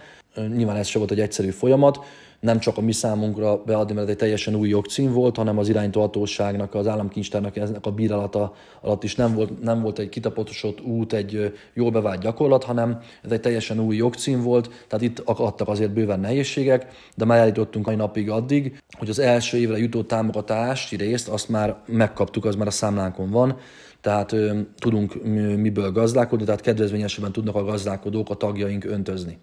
Ugye nagyon fontos ez, ö, mert az energiárak kezdenek elszabadulni, így is sem volt olcsó, de most itt a válság okozta időszak miatt ez még nagyobb nehézségeket fog róni a gazdálkodókra, tehát ez, ez nagyon fontos ez a támogatás emiatt is számunkra, illetve itt is szeretném kiemelni, amit már jeleztem a irányító felsőbb hatóságoknak, hogy nagyon fontos lenne a jogi hátterét megteremteni annak, hogy ez ne csak három és öt évre alakuljon ki, hanem hosszú távra. Tehát hosszú távon gondolkodjunk az öntötési közösségekben, 5-10-20 évre is előre gondolkodjunk. Ennyit a fenntartásról. Az új beruházásoknál ott tartunk, hogy több pályázatot adtunk már be, kettőt el is bíráltak, ez mindegy 130 millió forint értékben már nyertünk el pályázatot, ami ez az Agrárminisztérium, amint említett, 70%-os támogatást biztosít, ami 91 millió forintos támogatást jelent ez esetben. Nyilván ezekkel az öntöződobokkal, csővezetékekkel, lineár vagy hagyományos öntözési módokkal a gazdálkodóknak a versenyképessége nőni fog. Nyilván ebben az asszályos időszakban a klímaváltozáshoz alkalmazkodnunk kell, és így sokkal erősebbek, versenyképesebbek lesznek ezek a gazdálkodók a piacon. A Nemzeti Földi Központ a segítségünkre volt a lejáró vízjogi engedély meghosszabbításában is, és jelen pillanatban 1300 hektára van vízjogi engedélyünk, érvényes működési vízjogi engedélyünk. Eleinte nem voltak ezek párhuzamba vagy fedésben a meglévő területeknek a vízjogi engedélyei, illetve azok, ahol, ahol a gazdálkodók gyakorlatban öntöztek, és ezt is most kitisztítottuk, letisztáztuk. Egyébként a már említett 700 hektáron működik a, az öntözési közösségünk, és a vetésforgó szabálynak megfelelően évente kb. 400-500 hektárt öntözünk, illetve most már ugye ez elterjedt itt a környéken, hogy ilyen támogatásban részesülnek ezek a gazdálkodók, és több gazdálkodó szeretne belépni és csatlakozni a, a közösséghez. Zoli, először hozzád fordulnék, hogy nálatok ez fel sem merült? A Tiszacsege környékén? Volt rá próbálkozás, megemelem a kalapomat a Szigeti Tamás előtt egyébként, hogy ők ezt így össze tudták koordinálni. Nekünk nem sikerült. Tehát nekünk nem sikerült. Gyakorlatilag az lett ennek a gátja mindig, aki elzárkózott mellőle, hogy egy évre, két évre, három évre bérlem még a területet, nem tudom, hogy utána hogy lesz, és ő nem akar erre beruházni, és általában mindig ez vetett ennek az egésznek gátat, hogy nem tud egy 10-20 évre tervezni, és nem akar ennyit beleinvestálni ebbe az egész dologba. Nekünk itt vérzett el általában ez a dolog. Az osztatlan közösök dolgát meg nem, nem is említem ide, mert az meg egy olyan anomália, ami Magyarországon talán a szándék megvan, de hogy hogyan és mikorra lesz megoldva az osztatlan közösök kérdése, az rejtély nekem a saját privát véleményem, hogy egy kicsit az öntözés közösségek egy hatalmas vívmány, nagyon jó, csak nehogy az legyen, hogy ez is a tészeknek a sorsára jut, Igen. hogy addig működik, amíg gazdasági, gazdasági Igen. alapja van támogatás oldalról, mert abban a pillanatban, hogy kimegy alóra a gazdasági alap támogatási lába, összecsuklik, mint a három lábú szék. Tehát ezért, ezért én azt, gondolom, hogy ez, ez, ennek megvan ez a valós veszélye, nagyon jó az ötlet, amit én problémásnak látok, az az, hogy területlapon szervezzük. Na, hogy ezt, külföldi e... példákat hozzak, igen. I- igen, igen, külföldi példa, mert hogy Japánban vagy, akkor légy szíves egy gyors áttekintés, hogy máshol ez hogy működik én azt, ami én hozzám eljut, és amit én tudok ezek, ezekről a, a dolgokról, mindenhol az látszik, hogy a, az összes ilyenfajta szerveződés az Atlasz hegységtől Balin keresztül Japánig mindenhol a víz köti össze. Tehát nem a földterület köti össze őket, hogy együtt művelünk egy területet, vagy földhasználók vagyunk, hanem a víz, ami kiszolgál minket, kiszolgálja a mi vízigényünket, meg kiszolgálja az öntözésünket. Tehát, hogyha azt mondjuk, hogy az egy öntözési közösség, ami egy vízbázisról vagy víz átadási pontról kap vizet, teljesen mindegy, hogy aznak ki a földhasználója, ki a földtulajdonosa. Adhok jelleggel léphet be, hogyha ő arról az öntöző földről akar öntözni, akkor ez egy szervező elv, és azt gondolom, hogy ez a jobb. Jelenleg úgy néz ki ez a dolog, hogy van egy vízforrás, van még egy vízforrás, és ilyen mozaikos rendszerbe alakulnak ki az öntözési közösségek, adott esetben egymás, egymás mellett, egymáson átnyúlva fognak kialakulni, hogyha ha egyre nőnek. És kialakul az, hogy egymástól két elég nagy távolságban lévő vízátadási ponton keresztbe hosszába vannak egyes öntözési A és B öntözési közösségek tagok, mert azt mondja, hogy én nekem ott vannak a földjeim, azok onnan kapnak vizet, akkor én tovább viszem a vizet, és átviszem a másik vizes területre, öntöző fültre, és onnan kapok, még hogyha az hosszabb is nekem, mert nem akarok két közösségnek a tagja lenni, mert nem akarok újabb szerveződést. Én azt gondolom, hogy egyik probléma. A másik probléma az, hogy azért látni kell, hogy az öntözési közösségek, ez ami fel volt hozva példa, ez, ez tényleg egy azért unikális, mert nagyjából az öntözési közösségek szerintem fele, de inkább több, az család, fiú, apa, lány, testvér, egy cégcsoportba tartozó cégek konglomerátumá válik. Nem tudja más, hogy elképzelni a világot, mint az, hogy saját kereteimen belül hozok létre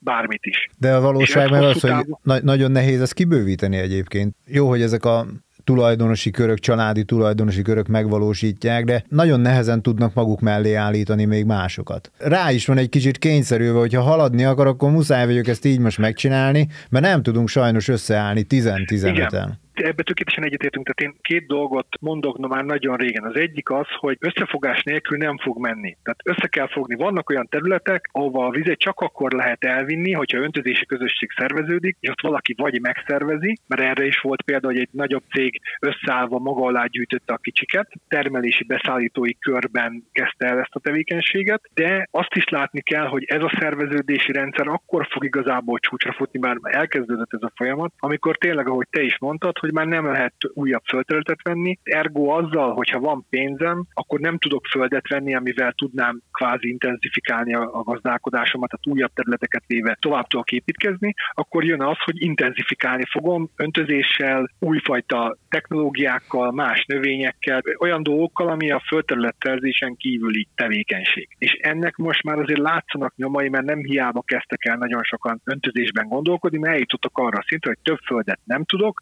vagy már nem akarok, mert elértem azt a méretet, amit vagy jogszabály megtilt nekem, hogy tovább terjeszkedjek hivatalosan, vagy pedig elértem azt a méretet, amit tudok kezelni. Nagyon kevesen ismerik fel egyébként, hogy a fejlődésnek, ha minőségileg fejlődöm, az talán egy sokkal komolyabb fejlődés, mint hogyha na neked hány hektárral van több, mint tavaly volt. Még egy utolsó problémát vagy kihívást hoznék ide a, a, az öntözés kapcsán. Egy két éves interjú részletet kotortam elő erre a mai adásra, Kenderesről. A teljes videónk egyébként a YouTube-on elérhető, visszakereshető, amiben ő más öntözési témákat is felvetünk. De most van néhány mondat, amit mindenképpen szerettem volna becsempészni a, a beszélgetésbe Kovács Imrétől, a Kenderes 2006 Kft. ügyvezető igazgatójától. Még egyszer jelzem, hogy ez tényleg egy két éves interjú, tehát nyilván úgy kell kezelni, viszont egy problémát és arra egy megoldást azt nagyon szépen felvázol.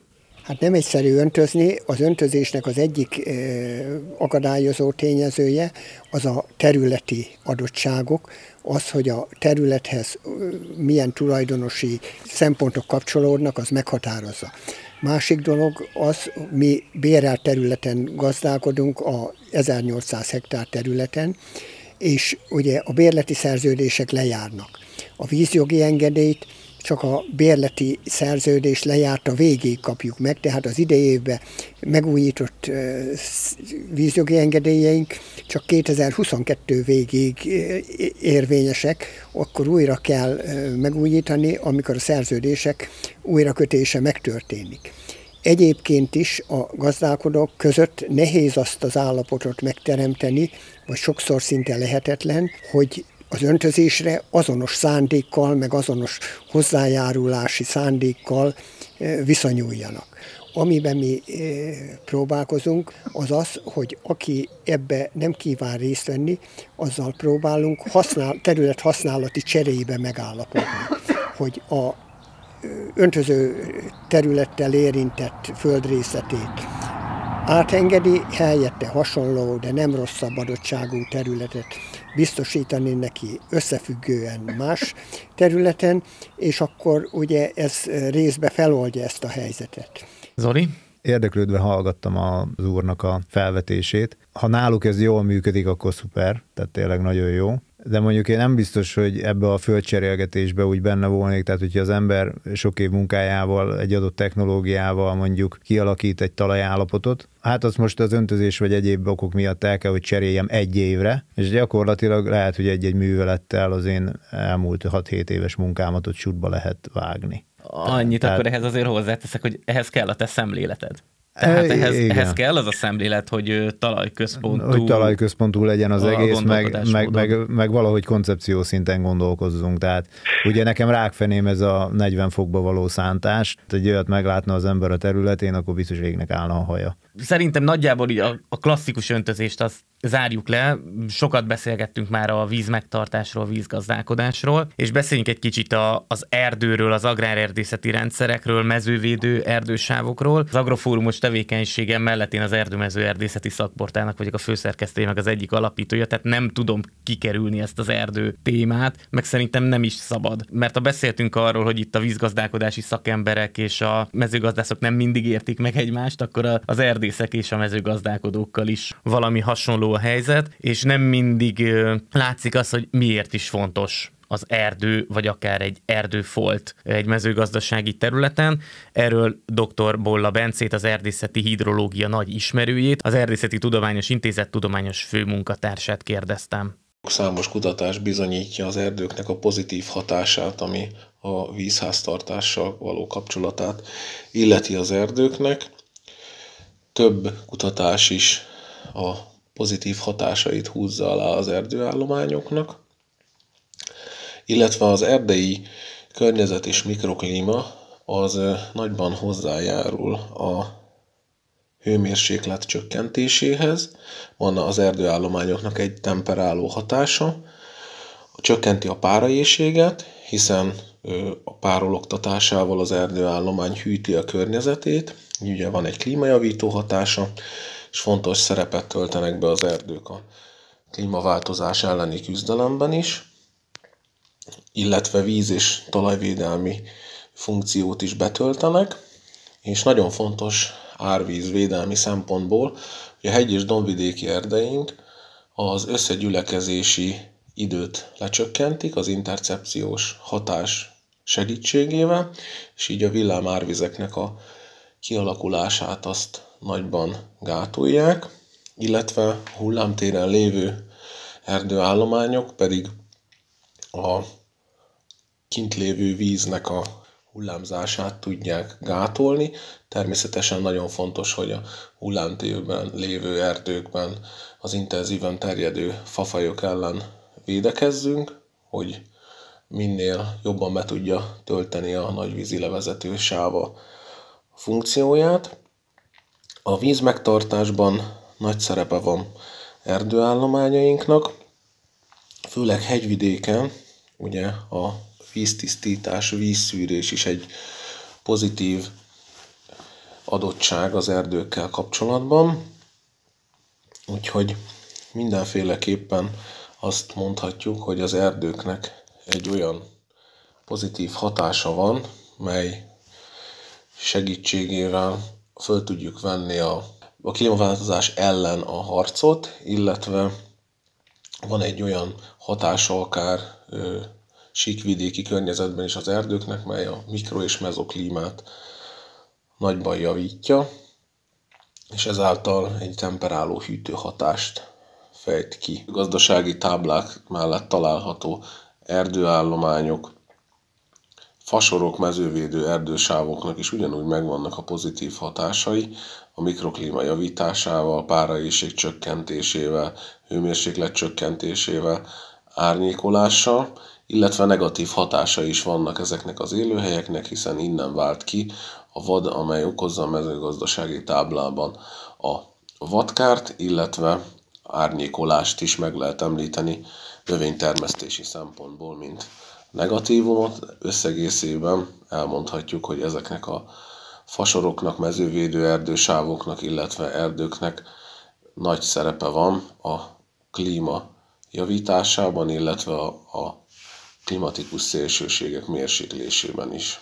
Ebben a kis bejátszóban ugye az egyik legfontosabb gondolat az, hogy nagyon sok mezőgazdálkodó részben érthető okokból nem szereti, hogyha erdő, fasor, fa csoport van a területe mellett. Zoli, ugye azt beszéltük, hogy így a Hortobágyon ti nem vagytok eleresztve nagy erdő kiterjedéseteket. Nem, nem, de átéri erdőnk van. Tehát, á, Na. tehát a Tisza mentén azért átéri erdők vannak, tehát én azért egy természetjáró, természet szerető ember vagyok. Bár ez nem tartozik ide, de én azt gondolom, hogy ezeknek az ágazatoknak kutya kötelessége együttműködni. Kellő kommunikációval, tehát úgy az erdészetnek, úgy a természetvédelemnek, úgy a mezőgazdálkodásnak mindenféleképpen egy hajóban kell levezni, csak meg kell találni azt a hangot, ahogy együtt tudunk működni. A pozitív hatása, tehát már ha a biodiverzitásra gyakorolt pozitív hatását nézzük, ez elvitathatatlan. Biztos, hogy nagyon szép a ezer hektáros egybefüggő búzatábla, csak azért az idei év rámutatott arra, hogy ez nem feltétlenül fenntartható a végtelenségig érteni vélem azt is, akinek egy fasor megy a földje mellett, és onnan jön az őz és károsít, és a nyúl, és a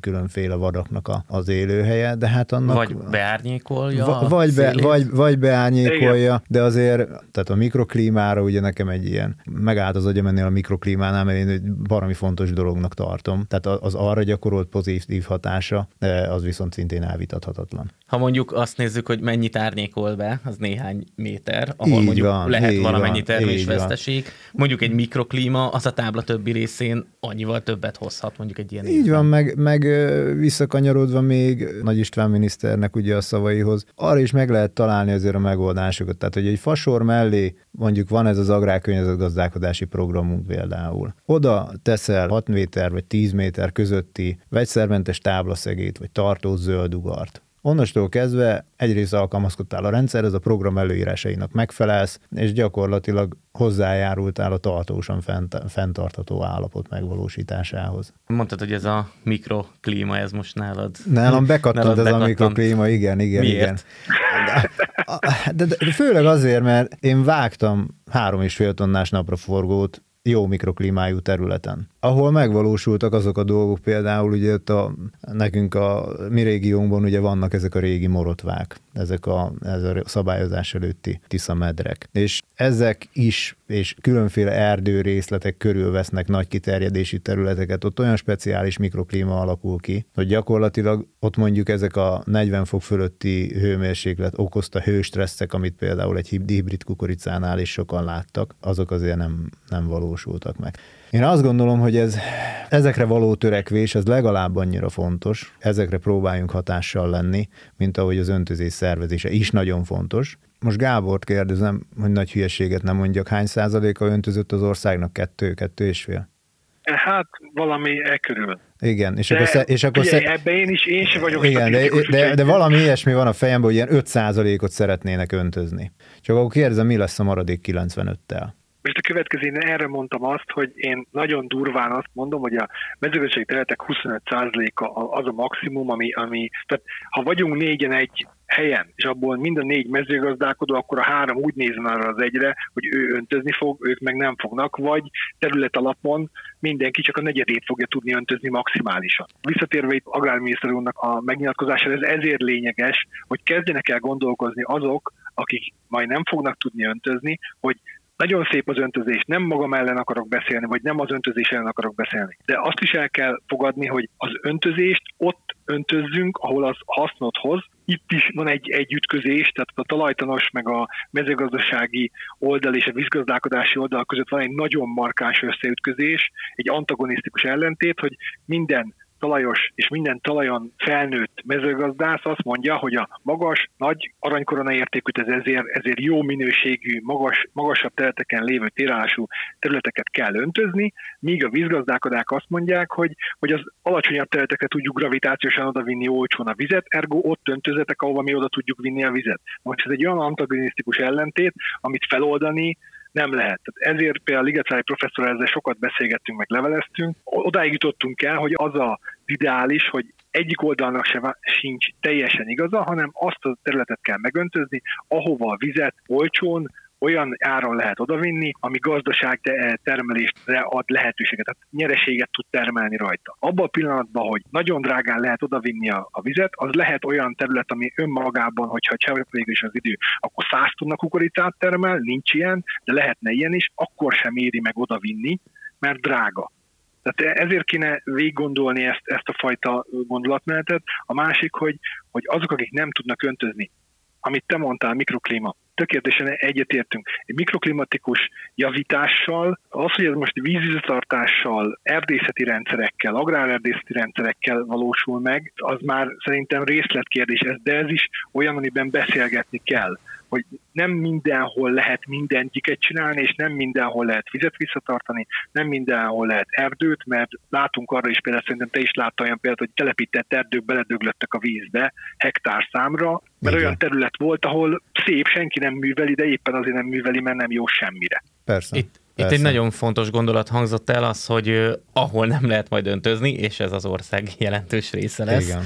Ott el kell gondolkodni, és említetted az agrár-erdészeti rendszereket, abszolút csak felvillantásnak, hogy ez létezik, ez, ez hogyan illeszthető be ebbe a gondolatba. Az Erdészeti Tudományos Intézet szakemberét kértem meg, hogy egy nagyon picit villancson fel ebből, aztán reményeim szerint lesz egy teljes hektár podcast, amikor agrárerdészeti rendszerekkel fogunk foglalkozni. Dr. Keserű Zsoltot, az Erdészeti Tudományos Intézet tudományos munkatársát halljuk. A fásszáró növények és a különböző mezőgazdasági ágazatok térben és időben való együttes termesztését nevezzük agrárerészeti rendszereknek, melyeket gazdasági és vagy ökológiai előnyök céljából tartanak fenn. Ezen rendszerek a fák jelenlétéből adódóan számos ökoszisztéma szolgáltatást nyújtanak a hagyományos gazdálkodáshoz képest. Az agrárerészet esetében a négy kiemelkedő jelentőséggel bíró ökoszisztéma szolgáltatás a biodiverzitás megőrzése, a szénmegkötés, a talaj védelme és annak javítása, valamint a levegő és vízminőség megőrzése és javítása. További fontos szolgáltatás a mikroklíma befolyásoló hatás, a betegségek terjedésének szabályozása, a beporzás, valamint a tüzek terjedésének szabályozása, elsősorban a mediterrán országokban. Az éghajlatváltozással járó legfőbb kockázatok az asszály, az árvíz és a kártevők megjelenése. A gazdaságok diversifikálása, fákkal való színesítése, új típusú, ellenállóbb ültetvények létrehozása számos pozitív folyamatot indíthat el. A fák jelenléte által kedvezőbben alakul a mikroklíma, a gyökerek átszövik a talajt, ezáltal javul annak szerkezete, így a talajok vízháztartása is kedvezőbben alakul. Mezővédő erdősávok esetén a szél elleni védelem, partmenti védősávok esetén a vízvédelem kiemelendő. Összességében a gazdaság kevésbé kiszolgáltatott az extrém időjárásnak, a növényvédelem szempontjából fontos, hogy a kártevők természetes ellenségei is megtalálják életterüket. Tájképű szinten a terület mozaikossá válik, ez a fajta sokszínűség pedig szintén a klímaváltozáshoz való alkalmazkodás egyik kulcsa lehet.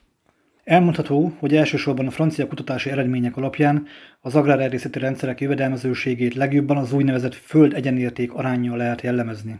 Ez azt jelenti, hogy egy hektáron végzett agrárerdészeti gazdálkodással ugyanannyi jövedelmet és termés lehet realizálni, mint 0,8 hektár erdőterületen és 0,6 hektár mezőgazdasági területen együttesen.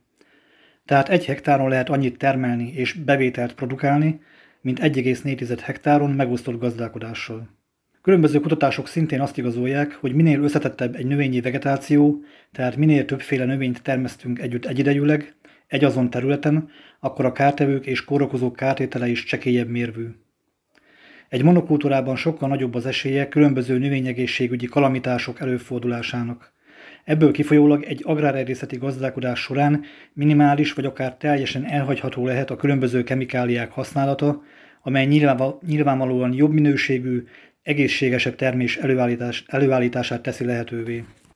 Napjainkban köztudott, hogy a mezőgazdasági termesztés sikeressége nagyban függ az időjárás alakulásától. A nagymérvű, tartós asszályok nyilván jelentősen csökkenthetik a termés mennyiségét. Ezt némileg ellensúlyozhatja az öntözési lehetőség megléte. Az agrárerdészeti gazdálkodás diversifikálja a gazdaságot, a kockázatokat csökkenti, szétteríti. Az agrárerdészeti gazdálkodási gyakorlat hazánkban is komoly hagyományokkal rendelkezik, elterjedtségéről jelenleg azonban viszonylag kevés információval rendelkezünk. Magyarországon az utóbbi évtizedekben csupán a mezővédő erdősávok és a fás legelők hozzávetőleges felmérése történt meg.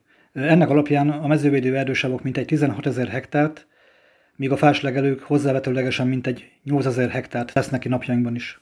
Ez volt tehát az agrárerdészeti rendszerekről tényleg egy kis téma felvillantás. Nem is kérem, hogy reagáljatok rá, mert mint téma nagyon kilóg, de mégis ugye része a mai beszélgetésünknek. Viszont eljutottunk szerintem utolsó előtti témáig, vagy inkább utolsóig, mert hogy a, a legutolsó talán ebből előjön ez a foggazdálkodás, ez a, ami már felvetődött ilyen tájléptékű vízrendezés. Most az elmúlt hónapokban nagyon erősen felerősödött ezeknek a gondolatoknak a, a megjelenése. Például a Facebookon is több olyan felületet követek, akik egyébként nagyon ügyesen, meg nagyon színvonalasan, nem mindig kellemes hangvételbe, de mégiscsak érdekesen tálalják ezeket a témákat. Gábor, neked erről azért van határozott véleményed, és részben már ugye beszéltél is róla. Tényleg megoldás lehetne egy foggazdálkodás visszahozása? Egyáltalán vissza lehetne ma 2022-ben hozni ilyen rendszereket, amik, amik gyakorlatilag ilyen száz éves léptékben tekinthetünk vissza rá, mert mert összességében nekem laikusként nagyon szimpatikus, tehát ezt szeretném aláhúzni, hogy nagyon-nagyon-nagyon szimpatikus ezek, ezek az elvek. Ez, ez olyan, mint a kapudrog, tudod, hogy, hogy ha ezt beveszed, akkor utána onnantól kezdve már nem tudsz róla leállni, hogy tényleg, tehát nagyon jó, igen, engedjük vissza a vizet a, természetbe, egyetért minden, ezzel én is egyetértek, mindenki egyetért vele. Legyen minden zöldebb, ezzel is egyetértünk. Az, hogy ezt foggazdálkodással lehetne vagy kellene megvalósítani, az egy azért neurologikus kérdés, mert a szabályozás előtti időszakban kialakult, hogy az András Falvi Bertalan által bedobott téma, ami, ami most már elég régen vizsgálja nagyon sok embernek a fantáziáját, az egy olyan időszakot mutatott be, amikor nagyon hosszan elhúzódó, szétterjedt az Alföld nagy részét érintő árvizek lassan vonultak le, és ezeket az árvizeket a, lassú visszavonuláskor visszafogták ezekben a fokokban, és ennek a vizét ott tartva kvázi kialakult rajta egy, egy nagyon munkaigényes, nagyon nagy területeket érintő, nagyon vegyes felhozatalú gyümölcsi, gyümölcs termesztés, különböző pákász, tehát különböző élőlények, tehát mit tudom én, folyami rákok, folyami kajdló, egyéb haszonvétleknek a vétele az ilyen vizekről, de ez ma már éppen azért, mert egyrésztről szabályozva lett a Tisza, másrésztről az árvizek nem olyan lassan vonulnak le, nem terjednek annyira szét, ezért teljesen más, hogy alakul ki a vízgazdálkodási helyzet, ezért ezek én azt gondolom, hogy abban a formában nem hozhatóak vissza, mint volt itt 100-150-200 éve. A másik dolog pedig az, hogy, hogy azt is látni kell, tudom, hogy a Balog Péter meg nagyon sokan preferálják ezt a fajta dolgot, és nagyon szépen prezentálják azt, hogy milyen jó lenne, hogyha kanalizált tiszából lenne újra egy ilyen újfajta, vagy régi fajta tiszai látkép. Ezzel csak az a probléma, hogy egy dolgot veszítünk el, és ez, ehhez tartozik az is, hogy, hogy mindig visszatérő téma, hogy a, vízgazda, a vízügy elengedi az árvizeket Magyarországra, és több víz megy ki, mint amennyi bejött Magyarországra. Tehát hidrológiailag azért gondolkodjunk egy kicsit szakszerűen. Teljesen normális az, hogy egy folyónál, hogyha elég hosszú szakaszon van, akkor a országba vagy egy határon való belépő víz az kisebb, mint ami ki fog onnan menni.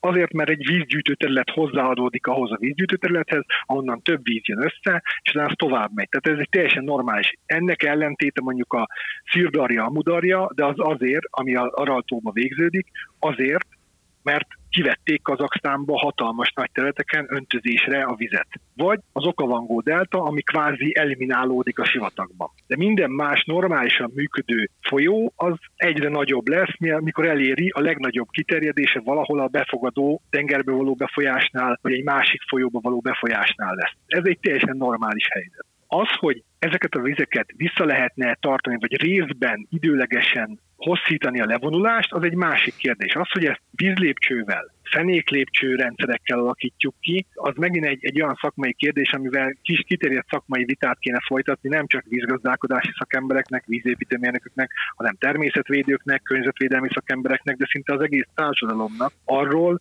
hogy például egy fenéklépcső vagy egy vízlépcső ugyanúgy megszakítja a hosszmenti folytonosságát egy folyónak, tehát ugyanolyan káros. És az teljesen mindegy, hogy azt miért teszem, azért, mert én vizet akarok visszatartani, vagy azért, mert energiát akarok termelni, a hatása ugyanaz lesz. Ugyanúgy a maga a folyóban végbe menő szállított hordalék szállítása is valahol meg. Tehát nem hiába van az, hogy, hogy azért probléma, jelentős probléma a tisztató feltöltődése mert a gát mögött felhalmozódik az a, az a egy lelassuló, lelassuló folyóban, ugye az energia már nem tudja magával vinni a vízben azt a mennyiségű hordalékot, és ezért ellerakja.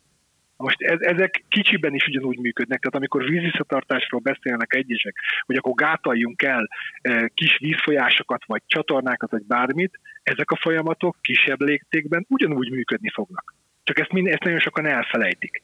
Tehát ezért, ezért én azt gondolom, hogy ez egy társadalmi vita kell, de tényleg szakmai alapon. És nem zsigeri véleménynyilvánítással, hanem szakmai alapon kéne hozzáállni, adott esetben pilot területekkel létrehozni, és utolsó mondat ehhez kapcsolódóan, hogy például a tájgazdálkodás és, és foggazdálkodás kérdésében ma Magyarországon annak ellenére, hogy több helyen elkezdődött, sehol nincs működő foggazdálkodás. De azért ez is jelent valamit, hogy a foggazdálkodás alapjában véve egy túlélési technikája volt a maradságnak. Visszaszorult azokról a területekről, amit le kanalizált a földesúr, és mezőgazdasági tevékenységet folytatott rajta a parasztok erejével, visszaszorult azokra a területekre, ahova a földesúr nem akart, nem tudott, vagy nem gondolta, hogy be kell nyomolni és ezért ott meg tudta termelni azt a túléléshez szükséges mezőgazdasági terméket, azt, hogy az gyümölcs, növény, állat, állati hústermék, mert ott nem ment utána a földesúr. Ne gondoljuk azt, hogy ez egy, ez egy jól működő startup volt, ahol, ahol egyre többet termeltünk, és akkor utána hatalmas fejlődés volt, és megváltoztattuk a világot, ez egy túlélési technika volt. És emiatt a túlélési technika ez egy nagyon munkaigényes, tehát nagyon élő munkaigényes tevékenység, én azt gondolom. De ez majd kijavít, hogyha valaki nem így gondolja, akkor majd elmondja. Ezek után biztos lesz reakció majd a zöld oldalakon, de hát ugye legalább beindul, a, beindul a párbeszéd. Mert de, de legyen, is legyen párbeszéd. De figyelj, nagyon egyszerű. Mondja azt, hogy nem így van. Bizonyítsa. Tehát én azt, azt kérem tőle, hogy, hogy ugyanúgy, hogy a mezőgazdaságnál is én azt mondom, hogy ha öntözés vagy öntözésen gondolkodik, vagy ha nem gondolkodik, akkor is van 100 hektárom, akkor 5 hektáron kísérletezzek. Mhm. Talajművelésbe, vetőmagba, öntözésbe, tőszámba játszon. 100 hektárnál 5 hektár, 5 lét nem gondolom, hogy földhöz vág bárkit. Bár most azért elég sok veszteség volt, tehát ez az egy kicsit így kontraszelektív, de én azt gondolom, hogy ha 5 hektáron elkezdi megpróbálni mondjuk a no-tilt, akkor lehet, hogy oké, okay, tehát felszerelés kéne hozzá. Tehát nagyon sok problémája van ennek az ötletnek is. De én azt gondolom, hogy azokkal az eszközökkel, ami van, elkezd máshogy tevékenykedni, mondjuk 5 hektáron, akkor kiderülhet, hogy a régi beidegződései nem is jók, és sokkal jobb lenne azzal a játékba megszerzett tapasztalatok alapján átalakítani a gazdaságát nem 100%-ba, hanem folyamatosan fejleszte, hogy először 5 hektár, hú, ez jobban működik, akkor átmegyek 20, 30, 50, aztán lehet, hogy 100 hektárban ezt csinálom. Igen, ez nagyon sok technológiánál működik. Itt a víz megtartásnál van egy konkrét terv, és akkor utoljára idézünk Nagy István agrárminisztertől, és ez pedig a Csongrád térségében tervezett vízlépcső. Az előttünk álló feladatokban minnyájuk munkájára kiemelten számít. Mert mi az első feladat? Alkalmassá kell tennünk a történelmileg kialakult csatorna nyomvonalak számára azt, hogy megfelelő mennyiségű vizet tudjanak befogadni. Átjárhatóvá, használhatóvá kell tenni a csatornákat. Ebben a gazdák együttműködésére, összefogására, munkájára kiemelten fogunk számítani. Ez egy nagy, egész országot lefedő kezdeményezéssel, megmozdulással kívánjuk elérni, nagyon gyors és látványos eredményt elérni. És aztán lesznek az államnak feladatai új tározó tavak létesítése, nagy kapacitású tározó tavak létesítése. És bizony ki kell mondanunk az egyik legnagyobb állami feladatot, az kezelni kell azt, hogy hogyan tudjuk megemelni a talajvízszintet. Azt látjuk, hogy a nagy folyóink egyre csak mélyülnek, és nem hogy a talajvízszintet segítenék javítani, hanem még szívó, vákum erővel hatnak a környező területek talajvízszintjére, és kiszívják a vizet a talajból. Ezért elkerülhetetlen, hogy a Tiszán Csongrád térségében egy olyan vízlépcsőt építsünk, amely megemeli a Tisza víztestét, és ezáltal is hozzájárul ahhoz, hogy a területek, a mellette lévő területekben, a talajban tudjuk megőrizni a minél nagyobb kapacitású vizet. Vízlépcső esetében, de erről már részben beszéltél is, Gábor, az embernek például, ha a sziget köz jut eszébe, akkor azért megvakarja a fejét. Zoli nálatok mondjuk ugye nem lehet pontosan párhuzamba állítani a kettőt, de ha a nézzük, ahol ugye megint csak van egy gát, ott természetvédelmi szempontból is egy Európa egyik Igen. legcsodálatosabb környezete Igen. alakult ki. Tehát nyilván van jó meg rossz példa, és ahogy említetted, itt elég sok kérdést felvet. Én jártam a Donau Auen Nemzeti Parkban Pécs alatt, ahol ugye több ilyen vízlépcső is van, és például ott folyamatos problémát jelent a kotrás, mert ezt, ezt is említetted, Gábor, a természetvédők, ahogy a sziget köz, ott is folyamatosan próbálták visszahozni a vizet ott a különböző ártéri részekbe. Szóval Csongrádi vízlépcső, Gábor? Nézd, a Csongrádi vízlépcső az egy eléggé régi, régi történet. Tehát az, az ugye Kisköre után a következő fejlesztés, ha jól emlékszem, akkor Csongrád lett volna. És például Szolnokon is, hogy, hogyha már haza, haza beszéljek, Szolnokon is a vízellátási probléma nem abból adódott, hogy annyira kevés víz jött volna le a Tiszán, mert ilyen 65-80 köbméter per szekundum folyt le folyamatosan, még a nagy, legnagyobb basszá idején is, hanem az, hogy a szolnoki tiszai vízkivételt úgy álmodták meg a tervezők, hogy Csongrád megépül, ez jóval magasabb vízszint lesz Szolnoknál. Uh-huh. Nem épült meg Csongrád, jött egy asszály, lejjebb ment, és utána be kellett emelni a Tiszából, kényszer áramoltatva, szivattyúval be kellett emelni a vízkivételhez. Én azt mondom, hogy bizonyos szempontból az lenne a jó, hogyha ezt szakmai tevékenység módján, vagy szakmai tevékenység útján, meg, meg eszmecserével bevonva a nagy közönséget és az egész országot bevonva lenne egy döntés, de nem lenne benne politikai, mert a Nagymaros az egy tipikusan politikai uh-huh helyzet volt, ami igazából boszorkányüldözés volt, mert kicsit akkor lett mindenki vízgazdálkodó, ugyanúgy elkezdtünk érteni, mint a focihoz, a kocsihoz, meg a nőkhöz. Mindenki nagyon elkezdett érteni, hogy hogy kéne csinálni bizonyos dolgokat, de nem szakmai alapon, tehát nem meg akarta tudni, hogy, hogy hogy működnek ezek a rendszerek minden előnyével és hátrányával, hanem ő letette a garast, hogy mi adott esetben melyik politikai oldalon állunk, és azt szerint döntött, hogy ez most jó vagy nem jó. Most lehet, hogy pont az ellenkező lesz, most azért fognak tüntetni, hogy legyen Csongrádon vízlépcső, tehát ez is előfordulhat, ez egy ilyen történelmi helyretétel lenne, tehát Nagymaros után most akkor visszafordulunk a bugócsig a másik oldalára ülünk fel, én azt gondolom, hogy a Csongrádi vízlépcsőnek vannak előnyei, ugyanúgy, hogy minden vízlépcsőnek is vannak hátrányai is. És ezt a kérdést akkor És talán hagyjuk is nyitva, mert nyilván ezzel még sokszor, sokan, sok helyen fognak foglalkozni, csak tényleg a jövőbe nézve ezt muszáj volt ide beelcitálnom a, az adásban, nem mi fogjuk eldönteni, hogy ez jó vagy nem jó, vagy tényleg megvalósul-e, vagy nem valósul meg, és gyakorlatilag így a, az adásunk végéhez értünk egyetlen egy témát szeretnék bedobni, amit majd Zolitól szeretnék egy két mondatot kérdezni rá. Nagy Istvántól is elhangzott az, hogy nagyon fontos lesz a jövőben a genetika, a, a fajta választás, és a növényválasztás is. És most a napokban voltam a KVS egyik rendezvényén Bozzaiban, és ott is kiderült, hogy a cirok, mint olyan, az a jövőben nagyon komoly hangsúlyt kaphat Magyarországon. Sok más megoldás mellett, tehát hogy itt tényleg komplexen kell gondolkodni.